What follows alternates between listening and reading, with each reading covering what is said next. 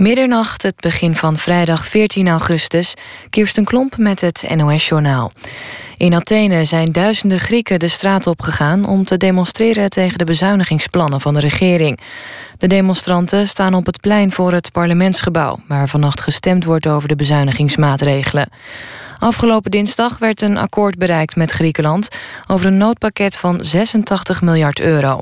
Het Griekse parlement en de betrokken Europese landen... moeten het akkoord nog goedkeuren. Er is haast geboden, want de eerste 25 miljard... moet volgende week al worden overgemaakt. Het noodweer dat over het land trekt leidt op verschillende plekken tot overlast. Op snelwegen hebben automobilisten last van de zware regen- en onweersbuien. De A44 in de richting van Den Haag was bij knooppunt Burgerveen korte tijd dicht... omdat er een boom op de weg lag. Inmiddels is die weg weer open. De A20 is bij Hoek van Holland in beide richtingen afgesloten... omdat er water op de weg ligt. Rijkswaterstaat waarschuwt voor het noodweer... en adviseert de snelheid aan te passen. De politie heeft al ruim 100 tips gekregen over de explosieven bij supermarkten van Jumbo in Groningen en Zwolle. Die werden daar geplaatst door een afperser. De politie maakte vandaag bekend dat de afperser waarschijnlijk een man is tussen de 20 en 40. Hij eist een geldbedrag in bitcoins, digitaal geld waarmee op internet wordt betaald. Bij alle Nederlandse Jumbo-filialen zijn veiligheidsmaatregelen getroffen. De Nederlandse dressuurruiters hebben in Aken de Europese titel in de landenwedstrijd in de wacht gesleept. De oranje ploeg troef de Olympisch kampioen Groot-Brittannië en titelverdediger Duitsland af. In 2007 en 2009 ging de oranje ploeg er ook al met het goud vandoor. Dan nog het weer. trekken enkele regen- en onweersbuien over het land. Minima vannacht rond 19 graden. Morgen overdag tijdelijk droger met af en toe zon. In de middag kunnen opnieuw flinke buien vallen met kans op onweer. Het wordt dan 24 tot 27 graden. Dit was het NOS Journaal. NPO Radio 1. VPRO. Nooit meer slapen.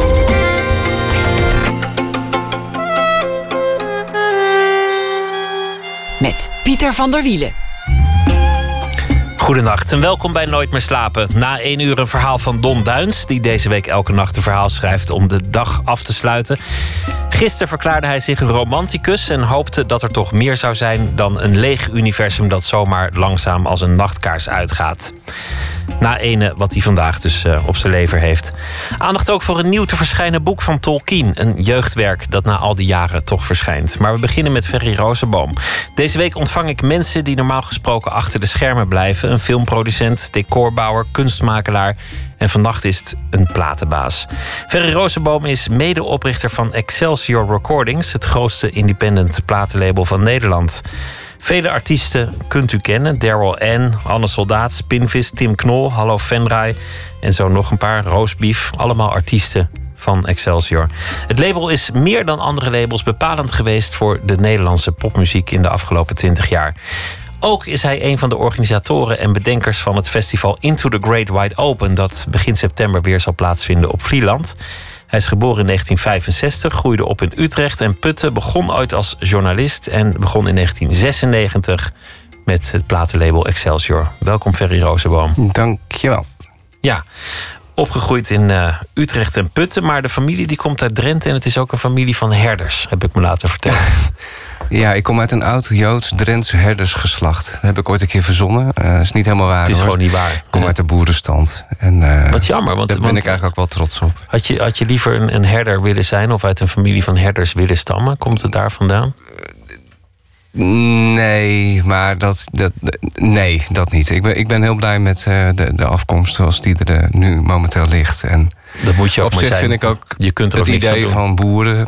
Uh, vind ik heel mooi dat je iets uh, tot stand laat komen en dat uh, zo goed mogelijk uh, voedt en liefde geeft en dat er dan iets, iets, iets anders komt. Dat, dat, dat is een mooi, mooi beeld en ook belangrijk dat die, dat, dat er is. Het, het, mooie van een herder is dat je dat ook hebt, dat je een kudde hebt die ergens laat grazen en dat je toch een zwerver blijft en, en dat je ook een beetje op de hei let. Mm, ja, nou, nu, nu het zo zegt, misschien heb ik het toch voor de, voor de goede redenen verzonnen. We, zijn, we dwalen nu al af. Is je leven nog rock'n'roll? Nee. Uh, hoewel ik elke dag prijs dat ik uh, vrij ben. Tenminste, ik moet heel veel dingen en eh, er- er zijn altijd verwachtingen en je moet altijd de dingen doen die je moet doen. Maar ehm, ik kan dat wel doen in, in, in, onder de omstandigheden eh, die ik verkies, zeg maar. Dat vind ik heel prettig. En ik kan ja, eh, eh, met leuke mensen werken. Ik kan op een mooie plekken bivakeren. En ja, dat voelt als vrijheid. En volgens mij is dat ook wel een beetje de essentie van rock'n'roll. Vrijheid is eigenlijk je, jezelf gekozen gevangenschap. Ja, ja dat, dat, dat is goed gezegd inderdaad. Want inderdaad, je moet alle dingen. En, hè, het, het- is ook niet zo dat ik de hele dag kan eh, Ja. vlieren, fluiten en eh, uit mijn neus kan eten. En naar de blauwe lucht kan staren. Een rebel ben je wel, volgens mij. Iemand die, die eh, dwars is tegen draads. Mm, jij zegt het, ik, ik vind dat van mezelf niet per se. Het zou, ook, het zou een, een echte rebel zou er ook niet onmiddellijk mee akkoord gaan. Nee, goed dat je het zegt. Nee, daar ben ik, nee, eindelijk, rebel. Oh, wat heb ik dat altijd graag willen zijn. Nee, dat, dat niet. Maar ehm, ja, ik ben denk ik wel iemand die altijd een beetje de grenzen opzoekt. Ja. Dus dat, dat zou wel kunnen. En die het ook leuk vindt om af en toe eh, een beetje te stoken en te pesten. En, eh, Tegen dingen, aan te trappen. En, en ja. ja. Pla- toch, toch is de naam Platenbaas. Dat, Oh, dat vind ik iets vreselijks als mensen zeggen platen. Want dan ben je zelf de Oh. autoriteit, het gezag. Ja, nee, ik, ik, ik associeer bazen nog steeds eh, met, met, met de VNO en dikke werkgevers. En eh, hoe heette die man vroeger? eh, van der Veen of zo. Nee, dat, dat waren niet de mensen die je wilde zijn. Ehm, ik, als, als mensen de, de, de, de, de baas roepen, dan zeg ik ja, baas en slaaf. Dat is ook mooi gezegd. Ooit dacht je zelf muzikant te worden. Je hebt op een podium gestaan. Ach jongen, ja. Maar het werkte niet. Nee, natuurlijk niet. Het was gênant. Was goed, het? Ja, nee, volgens mij dat, dat, dat ging helemaal niet. Ik, ik, ik, heb het ook allemaal verdrongen, eerlijk gezegd. Maar het was inderdaad een, een, een, een groepje jongens bij elkaar die herrie maakten... en die zich opsloten in een hockey. En eh, ik bespeelde geen instrument, behalve de, dwarsfluit, de, de blokfluit... en het, eh, het harmonium, eh, harmonium, het traporgel. En ja, dat, dat paste niet in het plaatje, dus ben ik gaan zingen. Maar dat, dat zingen, dat, ehm, dat was niet zo'n goed idee. Dan de blokfluit en harmonium, dan denk ik natuurlijk aan Putten en Veluwe. Maar eh, wat ik heb begrepen is dat eigenlijk niet enorm aan de hand dat je uit zo'n heel streng gezin kwam. Of dat Nee. het een heel christelijke omgeving was. Het was, de omgeving was wel degelijk eh doordrenkt met het Calvinisme natuurlijk. Maar, Maar niet- niet jouw persoonlijke mijn, omgeving. eh, mijn ouders waren wel degelijk verlicht. Hè? Dus mijn vader was act- actief binnen het IKV. En hij was van de, de, de doorbraakbeweging, hè? buskus. En eh, eh, we hoefden niet alles letterlijk te nemen wat in de Bijbel stond.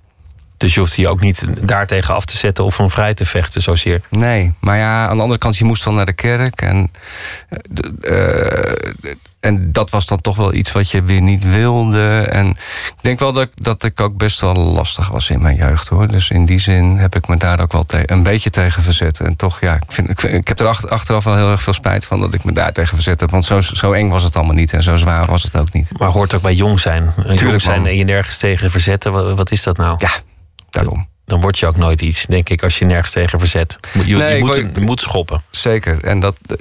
dat, dat, dat, dat ja, ik, ik- mm, je kunt dat best wel een beetje missen hè, deze dagen. Ook in, in de muziek. Hè, dat er weinig. eh, Het is allemaal pijs en vree geworden. Ja, er wordt heel veel naar de navel gestaard. En, eh, ehm, en terwijl er een hoop eh, ellende is in de wereld... waar mensen dus, ja, dan niet, zich niet echt eh, iets van aan li- lijken te trekken. Maar misschien is dat juist wel... is het allemaal wel zo overweldigend... Hè, dat men daardoor juist het, het, het, het, het, contemplatieve verkiest of zo. Toch kan af en toe muziek nog steeds chockeren. Oh, Dat gebeurt dan misschien in de rap of eh, nou ja, seks en drugs. Daar schijnen mensen zich ook weer. Drank en drugs was het Ja. trouwens. Ik heb er dan zelf alweer seks van gemaakt. Dat Ja. zegt meer over mij dan over het hitje. Ja, Ga je al. Seks, dat, durft, dat durft helemaal niemand meer te zingen. Waar begon het voor jou eigenlijk, de, de rock'n'roll? Welke bands waren dat? Wat, wat trok je aan? Ehm, dat eigenlijk begon het een beetje eh, eh, in Drenthe, waar mijn eh, ouders vandaan komen. Daar, mijn, oma woonde tegenover een, een, een jongerencentrum, Ruma Pemuda. Dat, dat was toen echt aan de hand, hè, dat alle dorpen hadden een, een, een soos en daar speelden bandjes. En daar lag ik s'avonds in mijn bedje en dan hoorde ik die, de, de opzwepende klanken uit, het, uit die zaal komen. En dat, dat, klonk, dat, dat klonk naar meer, zullen we maar zeggen. En ik heb daar ook mijn, uh, mijn eerste overweldigende uh, rock'n'roll ervaring gehad, zeg maar, in dat dorp, in Nieuw-Schonebeek, in Zaal Heine. Uh, dat was een eindje verderop, want de Roema Pemuda was blijkbaar te klein voor de Rousers. De Rousers was een. dat waren de Rolling Stones van West-Friesland, eind jaren zeventig. En die, die speelde daar. En nou, die hebben eigenlijk, dat optreden heeft mijn leven wel een beetje veranderd. Want ineens was daar iets, iets wat gevaarlijk was, uh, opzwepend, energiek. Ja, opwinding. Een nieuwe wereld die lonkte. Ja, ja, dat. Alles wat hoort bij rock'n'roll. Ja, en dat was de punktijd ook. Hè? Dus de, de, toen, toen het, het gezapige verdween toen en de, de lange haren. En ehm, ja, er was superveel energie hing er in de lucht. En zo werd jij een, een, een rock'n'roller en een beetje een, een, een punkrockertje eigenlijk? Ja, een burgerpunk noemde ik Een burgerpunk. Wat, wat, is dat? Nou ja, dan toch, weet je, ik, ik was niet van de, van de hanenkammen of de, de, de, de gescheurde kleren. Maar ja, ik was een, een, een, een, een, uh, een, een, weliswaar een punk, maar niet. Ik, ik, ik kon wel mee in het gewone leven, zullen we maar zeggen. Je had ook weekendpunkers vroeger, die, die dan dat een hanenkam hadden in het weekend... en dan oh, stel naar huis om te kammen. Jongens die op vakantie gingen en terugkwamen als punkrocker. Nee, dat, dat, dat, nee, dat kon niet. Kan niet. Een, een ander deel van die, van die punkbeweging... Eh, wat, wat eigenlijk achteraf ook wel aanspreekt, is do it yourself. Die hele mentaliteit van, van je hebt niemand anders nodig... je moet het gewoon zelf oppakken. Uh, als je iets wil, dan ga je het zelf maar doen... want anderen doen het niet voor je. Je hoeft niet, niet op les te gaan om te kunnen spelen. Pak gewoon een gitaar, ga rammen. Nou ja, dat, dat, dat is iets wat ik wel degelijk heb meegekregen, ja. Uh, dat is ook uit, uiteindelijk de reden geweest dat, dat we, we een platenlabel zijn begonnen. Hè? Dus van als, we, als IMI niet belt, dan doen we het zelf wel. Ja, of als IMI zegt van we willen je niet meer, dan nemen we zelf het heft in handen. Hoe ging dat? Want dat was met Daryl N. Ja. De, dat, de, eerste plaat die, je, die je maakte. Ja, met die jongens ben ik uh, opgegroeid. En uh, ook de, de, ja, de eerste stappen gezet, zeg maar. En ik was dan de regelneef. Uh, manager. En, dat was gewoon besloten. Van Ferry is voortaan de manager. Ja, ik hing erbij en ik, ik, ik moest je toch wat. En de, dus ga je maar wat doen. En uh, dus ga je dingen regelen. En uh, probeer de boel een beetje bij elkaar te houden. En die band was supergoed, is supergoed. Um, um, werd toen ook uh, getekend door een groot label in Engeland. En nou, dat was iets ongelooflijks. Dat, dat, dat, dat, geweldig. En we konden toen ook naar Engeland en naar Amerika. Daar gebeurden allemaal prachtige, spannende dingen. We hadden eigenlijk geen idee. Uh, ik ook niet.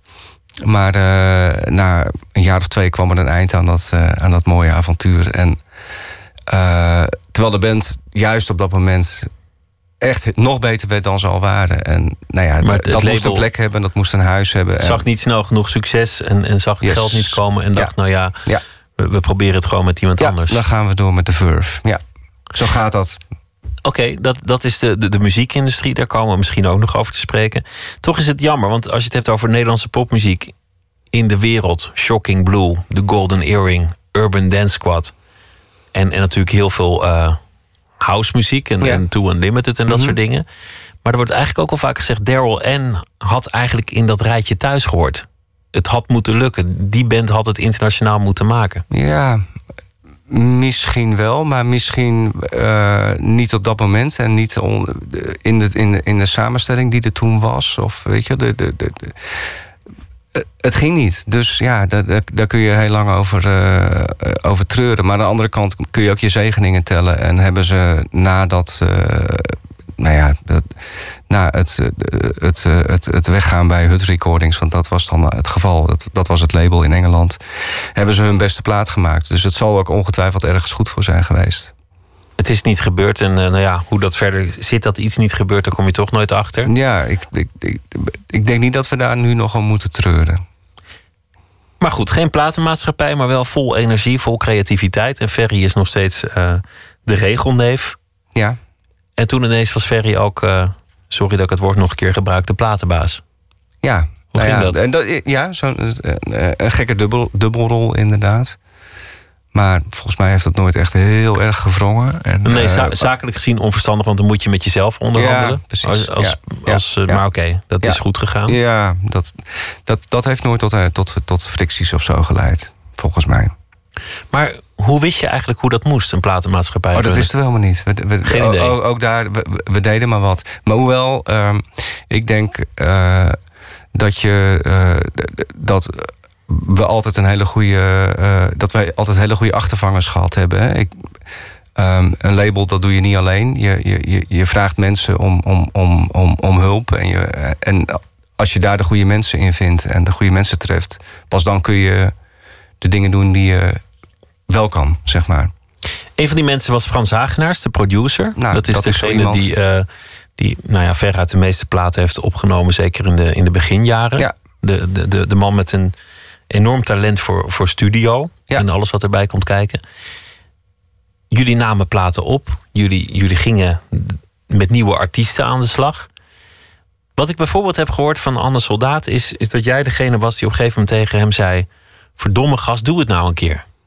Je hebt dat talent, je kunt zingen, je kunt gitaar spelen, je kunt liedjes schrijven, je moet niet zo tutten. Dat, dat je af en toe mensen ook een, een schop. Nou ja, maar kunt dat, geven. dat, dat, dat is wat, je, wat, wat, wat, iemand als ik dan op dat moment moet doen. Dus dat je mensen het vertrouwen geeft en dat je ze ondersteunt en dat je ze eh, pusht om eh, het beste uit zichzelf te halen. Een soort coach. Ja. Spinvis. Ik kan me herinneren dat die plaat uitkwam. 2002 was dat. Ik hoorde dat en dacht: dit is echt iets nieuws. Dit is, ik bedoel, je, je hoort misschien wel een soort parallel met Franse muziek. Je kan best iets noemen, maar dit is iets wat je eigenlijk niet eerder hebt gehoord. Wat, wat nergens echt op lijkt. Wat, wat gewoon zijn hele eigen niche heeft. Nou ja, dat, dat gevoel had ik dus ook. Maar het vergt moed om dat uit te brengen. Ik denk dat dat. Ik, ik durf te wedden dat dat niet was gebeurd bij een groot label. Nee, dat denk ik ook. Het was ook muziek uit een andere ruimte, inderdaad. En ehm, je moet daar echt eh, voor gaan en je moet dat snappen en voelen om, om dan ook daar mee aan de gang te willen. Nou ja, gelukkig viel eh, aan onze kant het kwartje en konden we op die manier erop uittrekken om eh, zo'n plaat eh, met hem te maken en hem ook vervolgens te gaan verkopen en dan ook weer wel weer tegen de klippen op. Dit was een jongen die, die gewoon thuis werkte, eh, bandjes maakte. De, de, de plaathoes was ook een cassettebandje. Ja. Is dat ook die dwarsheid? Dat, dat je zoveel maling hebt aan alles wat al gevestigd is, dat jij het wel aandurft om dat uit te brengen? Dat jij dat ja, gewoon doet? Ja, denk het wel. Eh, maar vooral dat je iets uitbrengt wat je zelf heel erg goed vindt. Ik denk dat dat altijd de belangrijk, het belangrijkste criterium is geweest. En als het flopt? Ja, da- dan moet je terugkijken en je afvragen of die plaat echt heel goed was. En eh, er zullen ongetwijfeld platen in, op, eh, in de catalogus zitten die niet zo goed zijn. Maar eh, er zijn ook flops waar ik nog steeds voor de volle 100% achter staan, sta. En dat noem ik ook geen flops. Dat zijn gewoon platen die dan minder verkocht hebben. Maar ja, zo so be. Soms maak je winst, soms maak je verlies, soms Ja. moet je bijleggen. Ja. Eh, zo gaat het. En ik vind, ja, de, de, de, platen, bij wijze van spreken, die het minst verkocht hebben... dat kunnen de allermooiste platen zijn. We gaan luisteren naar Daryl N, waar het allemaal mee begon. Uit eh, 1996 van het eh, album Daryl N Weeps, het nummer Summer Days. Mooi. The sky and the sea, girl, my burning desire. Been trying to leave this town for such a long time. Since you were gone. The boats in the harbor, stars in the night. Been longing for the beach for such a long time. Long time gone. and the music's over drums aren't playing. This is a place I'd like to settle down, where the wind meets the Mary over by the shoreline. All day long, this should be my world, my only one. I'm trying to reach this town for such a long time since you were gone.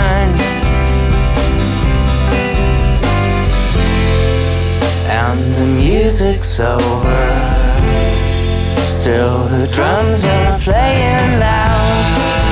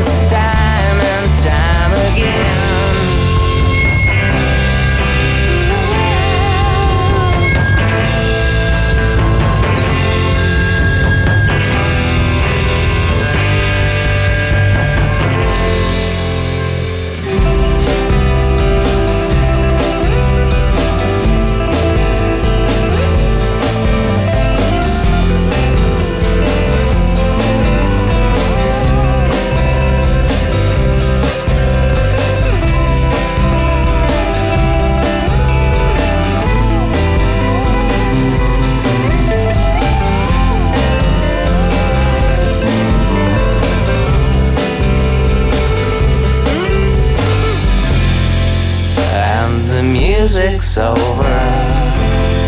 Still the drums are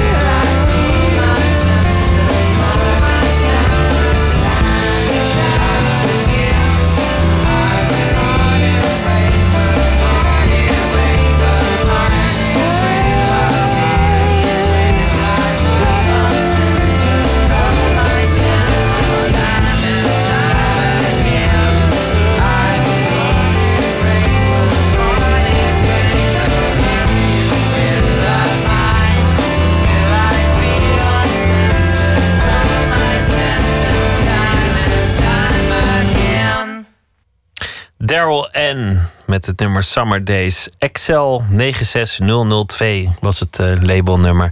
Ken je die uit je hoofd eh, trouwens, Ferry? Die plaat. Nee, maar de, de labelnummers. Weet, Nee. je, weet je nog van... Oh, nee, dan moet je bij Jeroen zijn. Dat is degene die eh, bij ons op kantoor... Aan nummers doet. ja, is de huisarchivaris ook. Het is een klein clubje, hè? nog steeds. Ja. Hoeveel, hoeveel mensen werken er? Op een dag als vandaag zijn er zeg maar drie, vier man in touw. Een paar keer verhuisd. Eh, de studio zit nu waar jullie ook zitten in Amsterdam-Noord. Ja.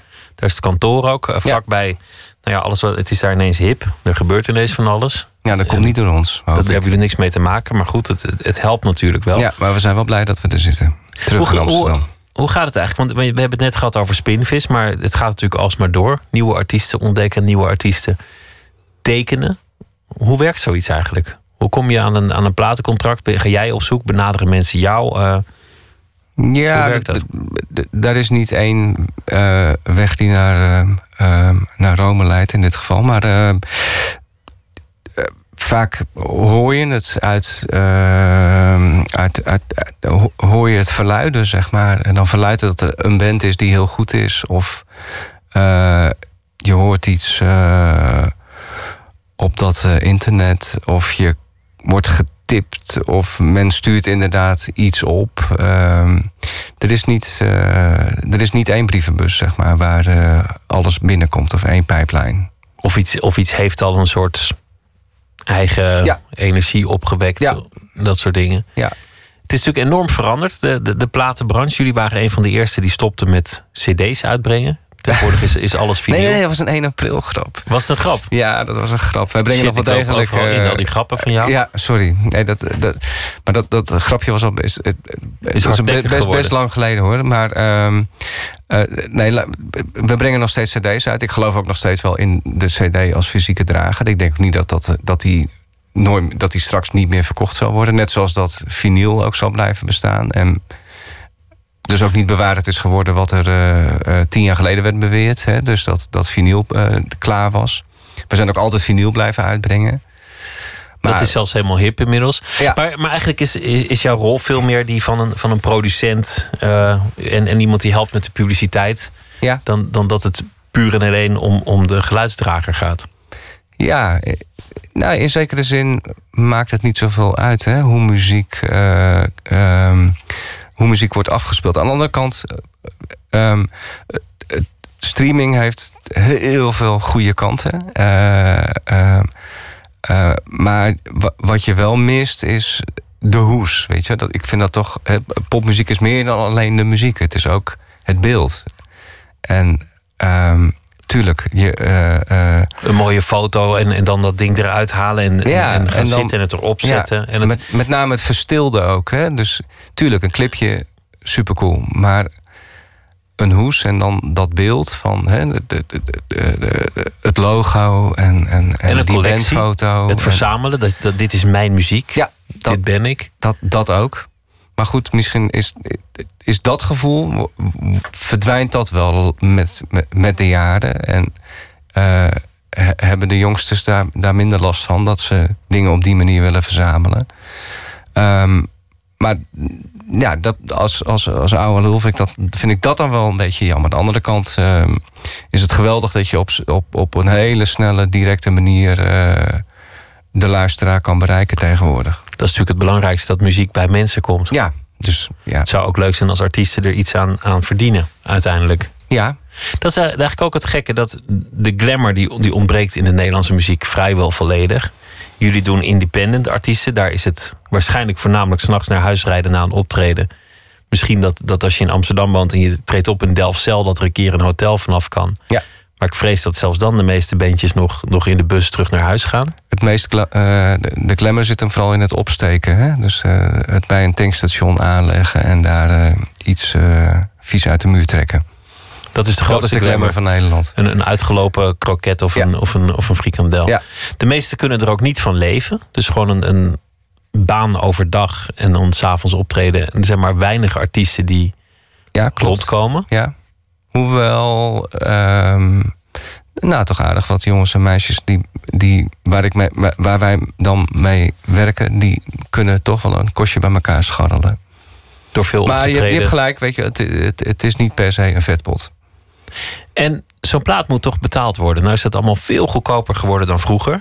Maar, maar nou ja, wat zal het zijn? Wat kost het om een, een album te maken als je, als je, als je niet meteen uh, Nou, niet- Rhapsody opneemt? ik, het is niet per se dat een plaat goedkoper is geworden om op te nemen. Je hebt altijd nog een, een goede ruimte nodig met goede spulletjes. En Mooie een- microfoons. Een, vakman die, eh, die achter de knoppen zit en die het goed laat klinken en daar tijd en aandacht in stopt. Het is een ambacht en dat, dat, dat, dat kost geld. Waar hebben we het over? Wat, wat kost een, een, een album? Dat, eh, dat verschilt heel erg, maar ja. toch- 20.000? Nou, ik denk dat dat een, een, een, een goed gemiddelde is, ja, wat het ongeveer zo kost. En dan zit er altijd weer. De, de, soms kan het voor vijf, soms eh, gaat het naar de 30, naar de 40. Maar eh, je, hebt het over een substantieel bedrag die je eh, nodig om een, een goede plaat te maken. Wie betaalt dat? Doe jij dat? Ehm, Of Excelsior, laat ik het, laat ik het niet heel persoonlijk maken.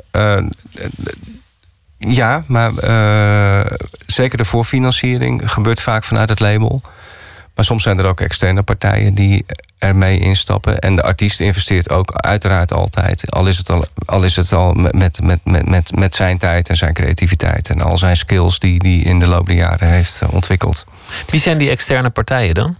Dat kan uit- uit de publishing komen bijvoorbeeld. Een En promotiekantoor of, Ja. een, eh, of een, of een managementbureau of eh dat kan ook. Boekingskantoor. Ja. Dat, dat, soort, eh, dat soort dingen. Dus ook partijen die daar baat bij hebben. Er is geen enkele manier van, van overheidssteun. Hè? Want, want de meeste cultuursectoren die hebben wel iets van fiscaal voordeel of, of misschien subsidie of, of in ieder geval een, een lening of, of noem het maar. De rock'n'roll is helemaal gevrijwaard van inmenging van bureaucraten of, of steun van de publieke sector. Ja, nou, klopt. En dat is, je zou het schrijnend kunnen noemen. eh, eh, dat, dat, dat blijkbaar de, de popmuziek of rock'n'roll niet als, eh, als een, een, een hoge kunst wordt, wordt aangemerkt. Hè? Aan de andere kant geeft dat ook vrijheid. Dus ik, ik, ik ben er niet per se voor. Hè? Dat, dat, dat je kan ook zeggen, we- jullie liggen voor op de rest, want de rest verliest ook alle subsidie. Ja, maar ehm, desalniettemin ben, vind ik wel dat, dat er bepaalde funding zou moeten zijn voor, eh, voor de popmuziek. En zeker op het moment dat er mensen zijn of partijen zijn of artiesten zijn die zelf ook echt erin investeren, dan zou je Nou ja, idealiter een soort matching-achtig fonds moeten hebben. Hè? Nou, het is gek, want, want popmuziek was natuurlijk vroeger iets van, van, van de nozem en, en de langharige buitenstaander. Ja. Inmiddels is het een cultuurvorm die, die breed gedragen is in alle hoeken van de bevolking. Waar ook bijzondere producties zijn die misschien kwetsbaar zijn. Als de klassieke muziek daarin wel gesteund kan worden. Waarom, waarom zou dat voor de rock'n'roll dan niet gelden? Als, als er een plaat is die anders niet gemaakt zou worden. Jij vraagt het en ik, ik, ik, ik, ik, ik vind, vind dan meteen inderdaad dat dat heel raar is en dat dat ook zou moeten veranderen. We hadden het over Daryl N. en eh, eigenlijk hoe weinig bands internationaal doorbreken uit Nederland. Moet je natuurlijk ook realistisch zijn. Het is maar een klein landje. Ik bedoel, we zijn eh, zoiets als New York. En hoeveel beroemde New Yorkse bands zijn er? Nou, dat is, Eh, Talking Heads, Ramones, Blondie. Maar goed, ga door. nou ja, drie noem je er. Ja. Maar goed, ik bedoel, dat is ook de hele rock'n'roll Ja, geschiedenis. nee, je hebt gelijk. En dat is New York, tenslotte. Die, daar zit geen Veluwe aan vast. Ja. Maar, nou ja, nou noem ik net de Veluwe waar Daryl N. weer. Zie je, het is een bende vanavond. Maar goed, zou dat ondersteund kunnen worden? Is, is er eigenlijk Nee, een dat reden... geloof ik niet. Ik geloof niet dat, dat, dat, dat als er een potje komt waar je eh, een paar duizend euro uit kan peuren om een plaat te maken, dat dat dan een, eh, de sleutel is naar een eh, glansrijke internationale carrière. Daar kun je, daar kun je niet iets vanuit de sector aan Nee. doen of, of iets organiseren om dat te helpen. Dat moet gewoon gebeuren. Dat moet gebeuren. En ehm, ik denk dat het al heel wat is, hè, dat wij in Nederland dat, dat er een, een, een, een, aantal eh, artiesten zijn die wereldwijd gekend zijn. En zeker nu ook met, met een aantal DJ's die, die, die het ook heel goed doen. En daar kun je van alles van vinden. Maar goed, b- blijkbaar Nou ja. doen ze toch iets, iets heel goeds. Jij noemt DJ's. Dat, dat- het woord DJ kwam ook meerdere keren voor in het, in het laatste regeerakkoord. Ja, dat is nu heel sexy inderdaad. Hè? Dat, dat, eh, dat- men vindt het heel, heel tof om daarmee eh, de boer op te gaan. En te daarmee te, en te zien van, shinen dat, dat het eens, heel goed ja. gaat eh, met ons kikkerlandje. Wat in zekere zin ook zo is. Het grappige van Excelsior is dat jullie een heel klein marginaal label waren. Ja. En omdat al die hele grote labels een stuk kleiner zijn geworden, zijn jullie ineens best een belangrijke speler in het muzieklandschap. Nou, maar we, we- hebben ook wel een, aantal sprongen gemaakt. Hè? Ook eh, ja, een, band als Triggervinger, die we dan ook doen, wat een Belgische act is, maar die, die, die, die, die eh, wij mogen, waar, wij op mogen werken en mee mogen werken. Die, die, dat, dat is echt een hele grote band. En die, die eh, verkoopt ook substantiële aantallen, zullen we maar zeggen. En die, die trekt ook heel Europa door in een tourbus en staat dan voor heel veel mensen te spelen. Dus hetzelfde geldt voor Spinvis. Die heeft echt wel gewoon een, een, een, een, een, een, een grote schade eh, bewonderaars. En ook, Dus- ook wel goed verkocht. Ja, dus het is niet zo dat wij nu nog steeds eh, klein zijn. eh, of dat we niet groter zijn geworden. Maar de rest is wel kleiner geworden. Ja. Nou ja, de, de constatering eindigt hier. Ja. Ineens ben je, ben je een van de, van de grote jongens. Hoeveel invloed heb jij op, eh, op het product? Want je bent een soort producent. Je betaalt, je kiest het talent uit. Je, je moedigt ook aan. Je Mhm. zegt ook van, goh, je- dit moet je doen, dat moet je doen. Maar uiteindelijk ben jij natuurlijk niet de muzikant. Ga jij ook zeggen, die triangel moet eruit? Of, Nee. of, of die, die basdrum moet harder? Of, eh, of ik, Nee. ik wil een bepaalde sound? Nee, je kunt wel eh, een beetje sturen als het aankomt op met, met hoe er opgenomen gaat worden en met wie. En ehm, vervolgens ook met, met welke liedjes er op de plaat komen en een beetje over de volgorde. Maar ik, ik denk dat eh, eh, de goede artiesten toch het best gedijen bij vrijheid. Onafhankelijkheid. Ja, en onafhankelijkheid. Maar ja, je wil natuurlijk wel dat ze met iets komen. Dat, dat, dat je een beetje waar voor je geld hebt. En het moet natuurlijk ook passen bij het gevoel dat jij had toen je tekende. Ja, maar dat, op het moment dat je dat vertrouwen hebt in een, in, in een, in een, in een, in een, in een, in een band of in een artiest, dan, dan is dat. Dan is dat genoeg of zo. Ik, ik, ik ga er niet bij zitten om, eh, om aan een, eh, het geluid van een snare. Of, weet je, of, of twee keer het refrein, of drie, drie keer, of die, die break anders. Overigens is eh, als eh, eh, Frans Hagenaars met een, een act werkt, wel degelijk dan daar meer mee bezig.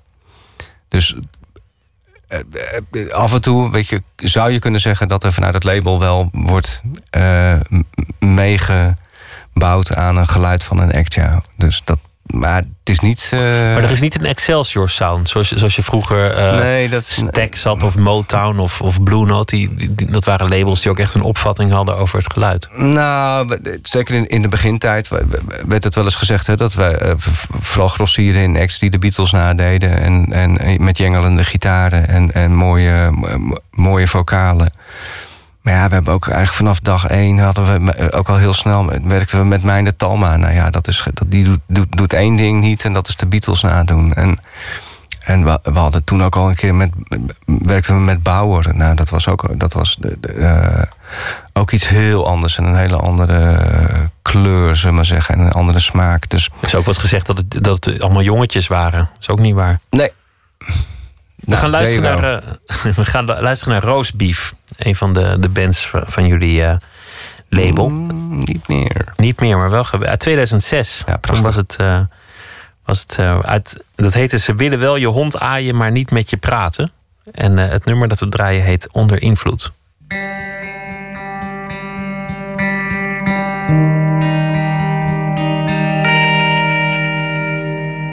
En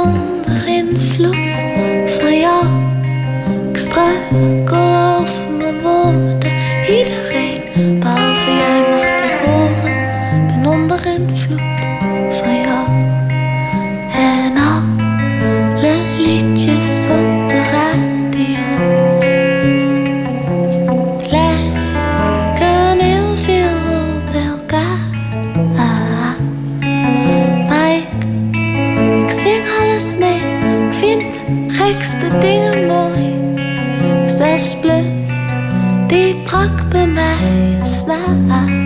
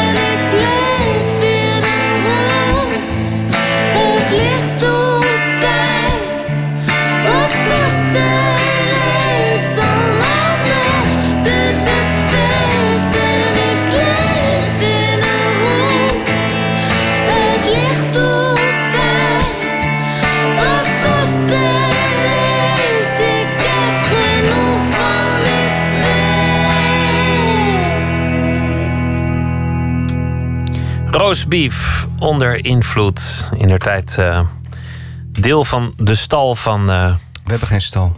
deel van de kudde van eh, Ferry Rozenboom van Oh. Excelsior, die tegenover me zit. Dat vind je vervelend hè, als ik kudde zeg of Ja. stal. We begonnen er al mee met een discussie over boer of, of herder. En eh, dat was dan de Drentse herdersfamilie. Iets wat je had verzonnen. Zoals het ook een grap was. Waar ik ook met open ogen instonk. eh, dat jullie geen cd's meer maken. Dat was ooit een 1 april grap. Tegendraads karakter. Ik koketteer ook altijd met mijn eh, Joodse naam. Dat, nou ja, dat ik een Joodse inborst heb en dat soort dingen. Terwijl ik, ja. Dat heb je niet, maar Rozenboom, ja. nou, ja. Het zou zomaar kunnen, niet? Ach, alles, alles, Ach, zou, alles zou zomaar kunnen. Hoe cool zou dat zijn?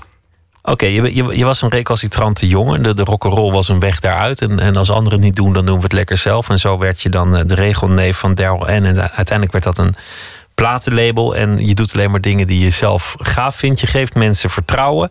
En dat vertrouwen, dat betaalt zich ook uit. Het hoeft niet allemaal een succes te worden. Als iets niet een succes is, dan komt er wel een ander succes. En toch hebben zo een aantal dingen in de loop der jaren zich bewezen. De anderen werden wat kleiner, jullie werden wat groter. En zo ben je dan ineens toch een... eh, een, nou ja, een belangrijke speler. Hoewel je eigenlijk ook alles eraan doet om die oorspronkelijke sfeer vast te houden van dat clubje die gewoon lekker aan het klooien zijn. Want ergens word je er kriegel van, want dat is vrijheid. Voor jou vrijheid is dat je het zelf hebt uitgekozen. Dat je, dat je wel verplichtingen hebt en overal aan vastzit. Maar in ieder geval werk je niet voor iemand anders die de baas is. Zou ook hartstikke slecht gaan. Wordt er ook over je gezegd dat je bij vlagen intolerant uit de hoek kan komen? Dat is nog niet uit dit gesprek gebleken, maar dat eh, is iets wat mensen over jou eh, plegen te fluisteren. Oh, dat zal best. Ja. En je wordt eh, eh, geprezen om een reusachtige daadkracht. Altijd zes stations verder dan de rest. Altijd aanpakken. Iets is, iets is eigenlijk al op gang voordat het helemaal is bedacht door een ander. Iedereen Ik hoor, graag, ik hoor graag straks van wie eh, het een en ander afkomstig is in deze. Zeg ik nooit. Oké, nou, whatever. Ik wil het met je hebben over Into the Great Wide Open. Want dat is volgens mij een, een, een voorbeeld van hoe jij ook als je geen platenbaas was geweest, waarschijnlijk furoren had gemaakt. Het, het festival is mede door jou bedacht. De gedachte was Vlieland, prachtig eiland. Daar zou je een, een, een festival kunnen beginnen. Hoe, hoe ging dat? Hoe kwam die gedachte? Nou, heel stiekem droomde ik eh, als badgast eh, sinds eh, 1982 of zo. eh, eh, ervan om, om iets te mogen doen op een eiland. eh, ehm, en daar dan met, met recht en reden naartoe te kunnen gaan. En daar iets te doen. En dus een reden te hebben om erheen te gaan. Je had gewoon zin om naar het eiland te gaan, Ja. maar dan moet er wel iets gebeuren. Ja, en ehm, ik heb 25 zomers op de Schelling gezeten. En toen we een jaar of tien eh, geleden op eh, Vlieland landden... dus een keer wat anders. Ik ben niet echt een avonturier. Eh, maar toch, weet je, een, de overstap gemaakt naar Vlieland. Ehm, toen viel daar op de een of andere manier alles een beetje op zijn plek. Er was een heel tof kampeer, er was een heel mooi kampeerterrein. Sowieso een heel mooi eiland. Ehm, daar kwamen leuke mensen die, die ook, ook eh, iets wilden wat een festival, wat je dan een festival noemt. En eh, met nog wat eh, mensen van de Wal, waar we al eens vaker mee eh, hadden gefilosofeerd over een ander festival dan, dan, dan die er al waren. Ja, was eigenlijk heel snel het, het, het idee, kregen het idee voor hem voor uh, Into Great Wide Open. Namelijk een, een, een, een klein maar heel fijn festival waar je ook eh, iets doet met beeldende kunst. En, en, en waar, waar, waar geen ballenbakken staan voor kids, maar die ook leuke dingen kunnen doen. Maar waar vooral ook heel scherp wordt geprogrammeerd. Waar ja, eigenlijk de, de bands en de artiesten staan die we zelf heel erg goed vinden. Zonder al te veel concessies te hoeven doen. Een jaar of twintig geleden zei ik tegen mezelf: popfestivals, ik, ik, ik doe het niet meer. Om, omdat er te veel festivals waren waar je dan kwam, dan hadden ze een enorme greppel gegraven. Waar dan, waar dan iedereen in ging kakken. Dan hadden ze er een paar van die windschermen omheen met landbouwplastic en een hek. En eigenlijk was het basisconcept van een popfestival vaak, de, de goede niet te nagesproken. Je boekt een band, je regelt een veld, je zet er een hek, Hek omheen. omheen en je gaat heel veel bier verkopen. je gaat heel veel bier verkopen en, en misschien wat t-shirtjes. En we hebben een festival. En eigenlijk gingen ze voorbij aan, aan de rode olifant die al die tijd op tafel zat. Het gaat niet om de bands, het gaat ook om ons, het Ja. publiek, om de mensen, het samen zijn. Is dat eigenlijk ook de gedachte geworden achter The Great Wide Open en ook de reden waarom heel veel mensen er zo'n enorme fan van zijn, dat het eigenlijk niet alleen maar om de bands gaat? Ja, eh, heel erg. Waar ik zelf altijd vreselijk last van had bij, bij, bij, bij festivals in het algemeen, was dat je inderdaad een, een- door die hekken moest. En dat je dan ook gevangen of opgesloten zat in zo'n in, in zo'n gebied. En dat je daar liever, dat ook li- liever niet zagen dat je eruit ging. En dat, dat als je dan even je, je wou vertreden, dat, je, dat dat eigenlijk helemaal niet kon, zullen we zeggen. Nou, dus dat, dat was eigenlijk ook wel een van de eerste dingen die we tegen elkaar zeiden. Van als we iets gaan doen, dan willen we eigenlijk geen hekken hebben. En eh, nou ja, dat zijn uit, uit- uiteindelijk is dat wel een soort houten omheining geworden. Maar het voelt niet als een hek. En eh, ook een ander heel, heel belangrijk onderscheidend ding is, denk ik, is dat, dat, dat we ons, onze, onze gasten niet per se zien als, als melkkoeien.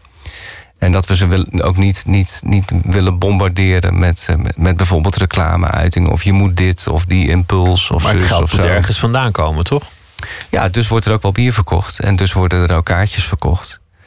Maar eh, eh, stoppen we alles wat er op die manier binnenkomt in, in, in, in, in, in, in het programma en in, eh, in de infrastructuur. En ja, dan kan dat toch uit op de een of andere manier. Met heel veel goede wil. Een eiland met 4000 bewoners waar, waar 5000 bezoekers. 1000, 1100 ongeveer. Het is nog kleiner. 1100, Ja, ja, ja, 1100 ja, bewoners ja, slechts. En daar, daar komen er hoeveel? 5000?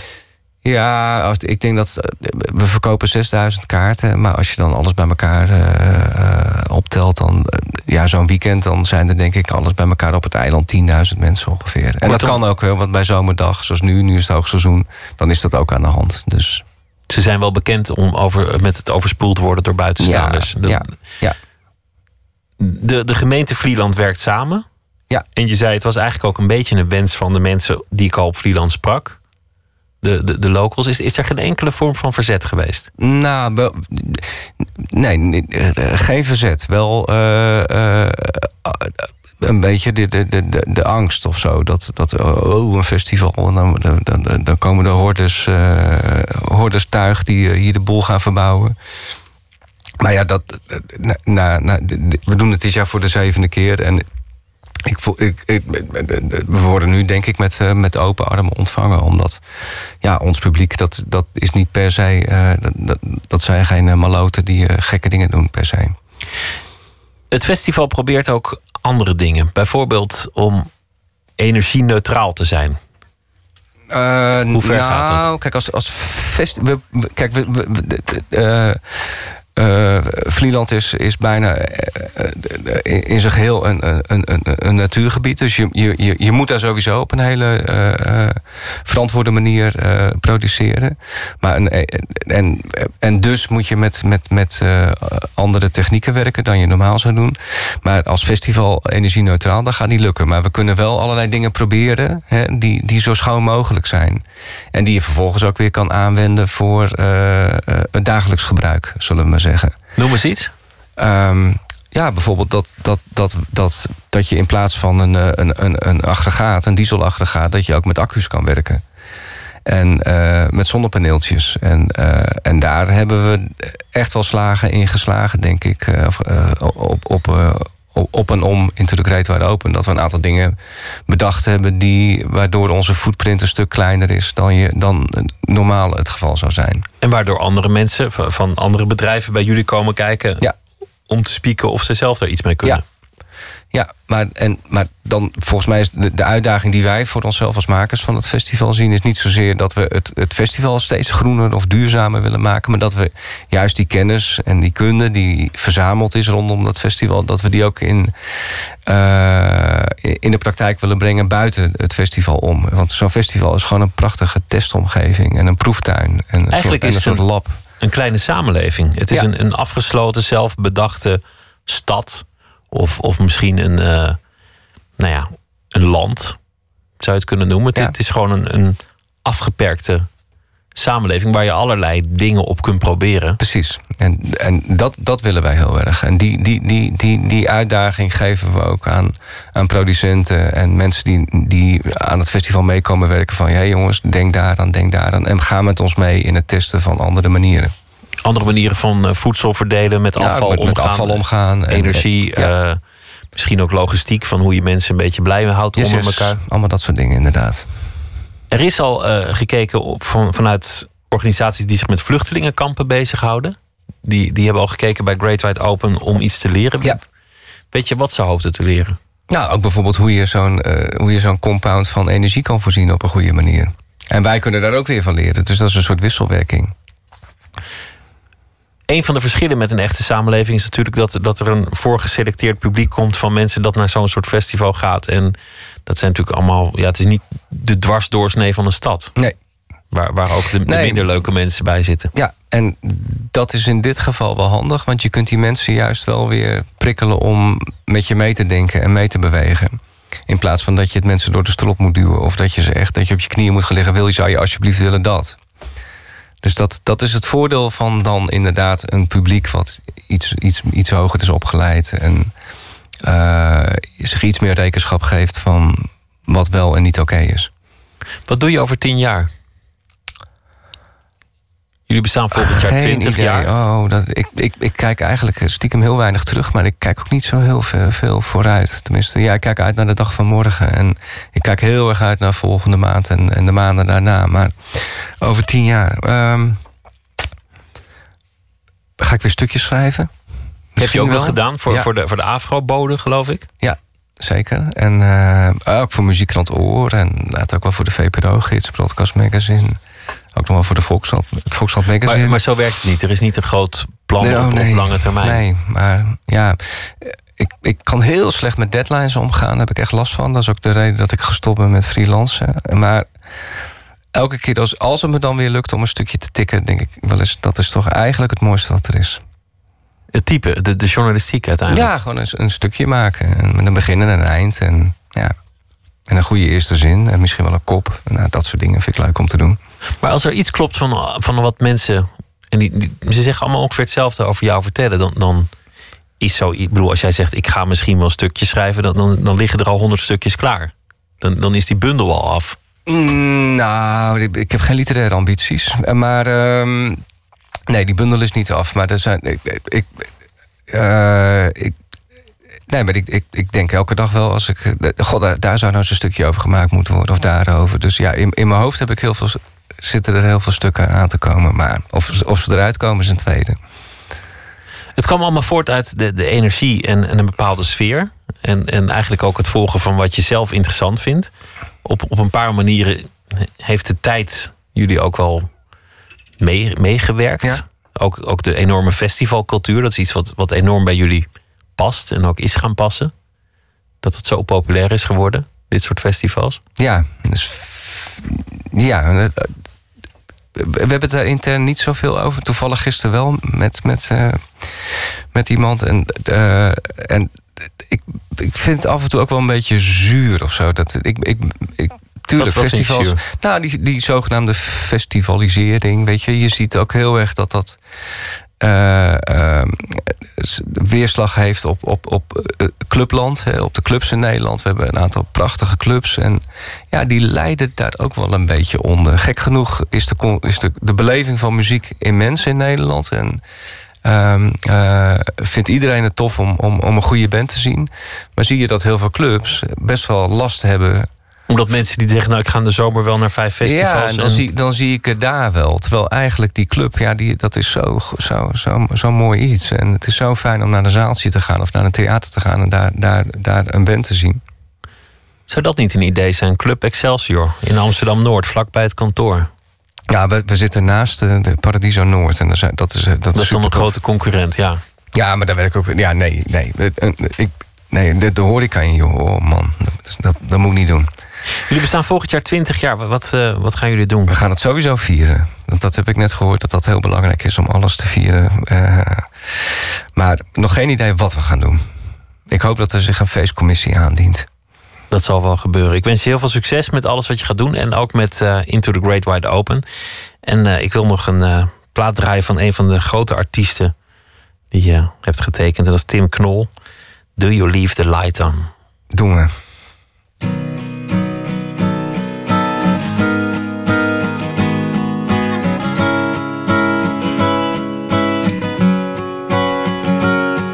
doing here?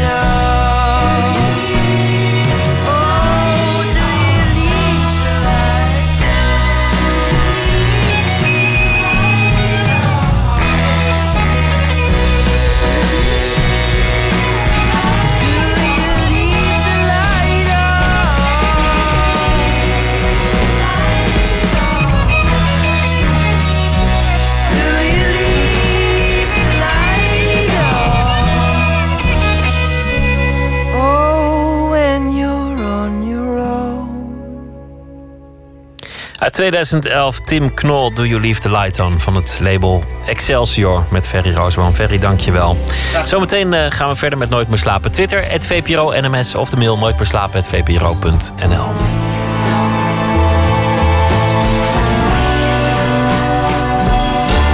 Op Radio 1. Het nieuws van alle kanten.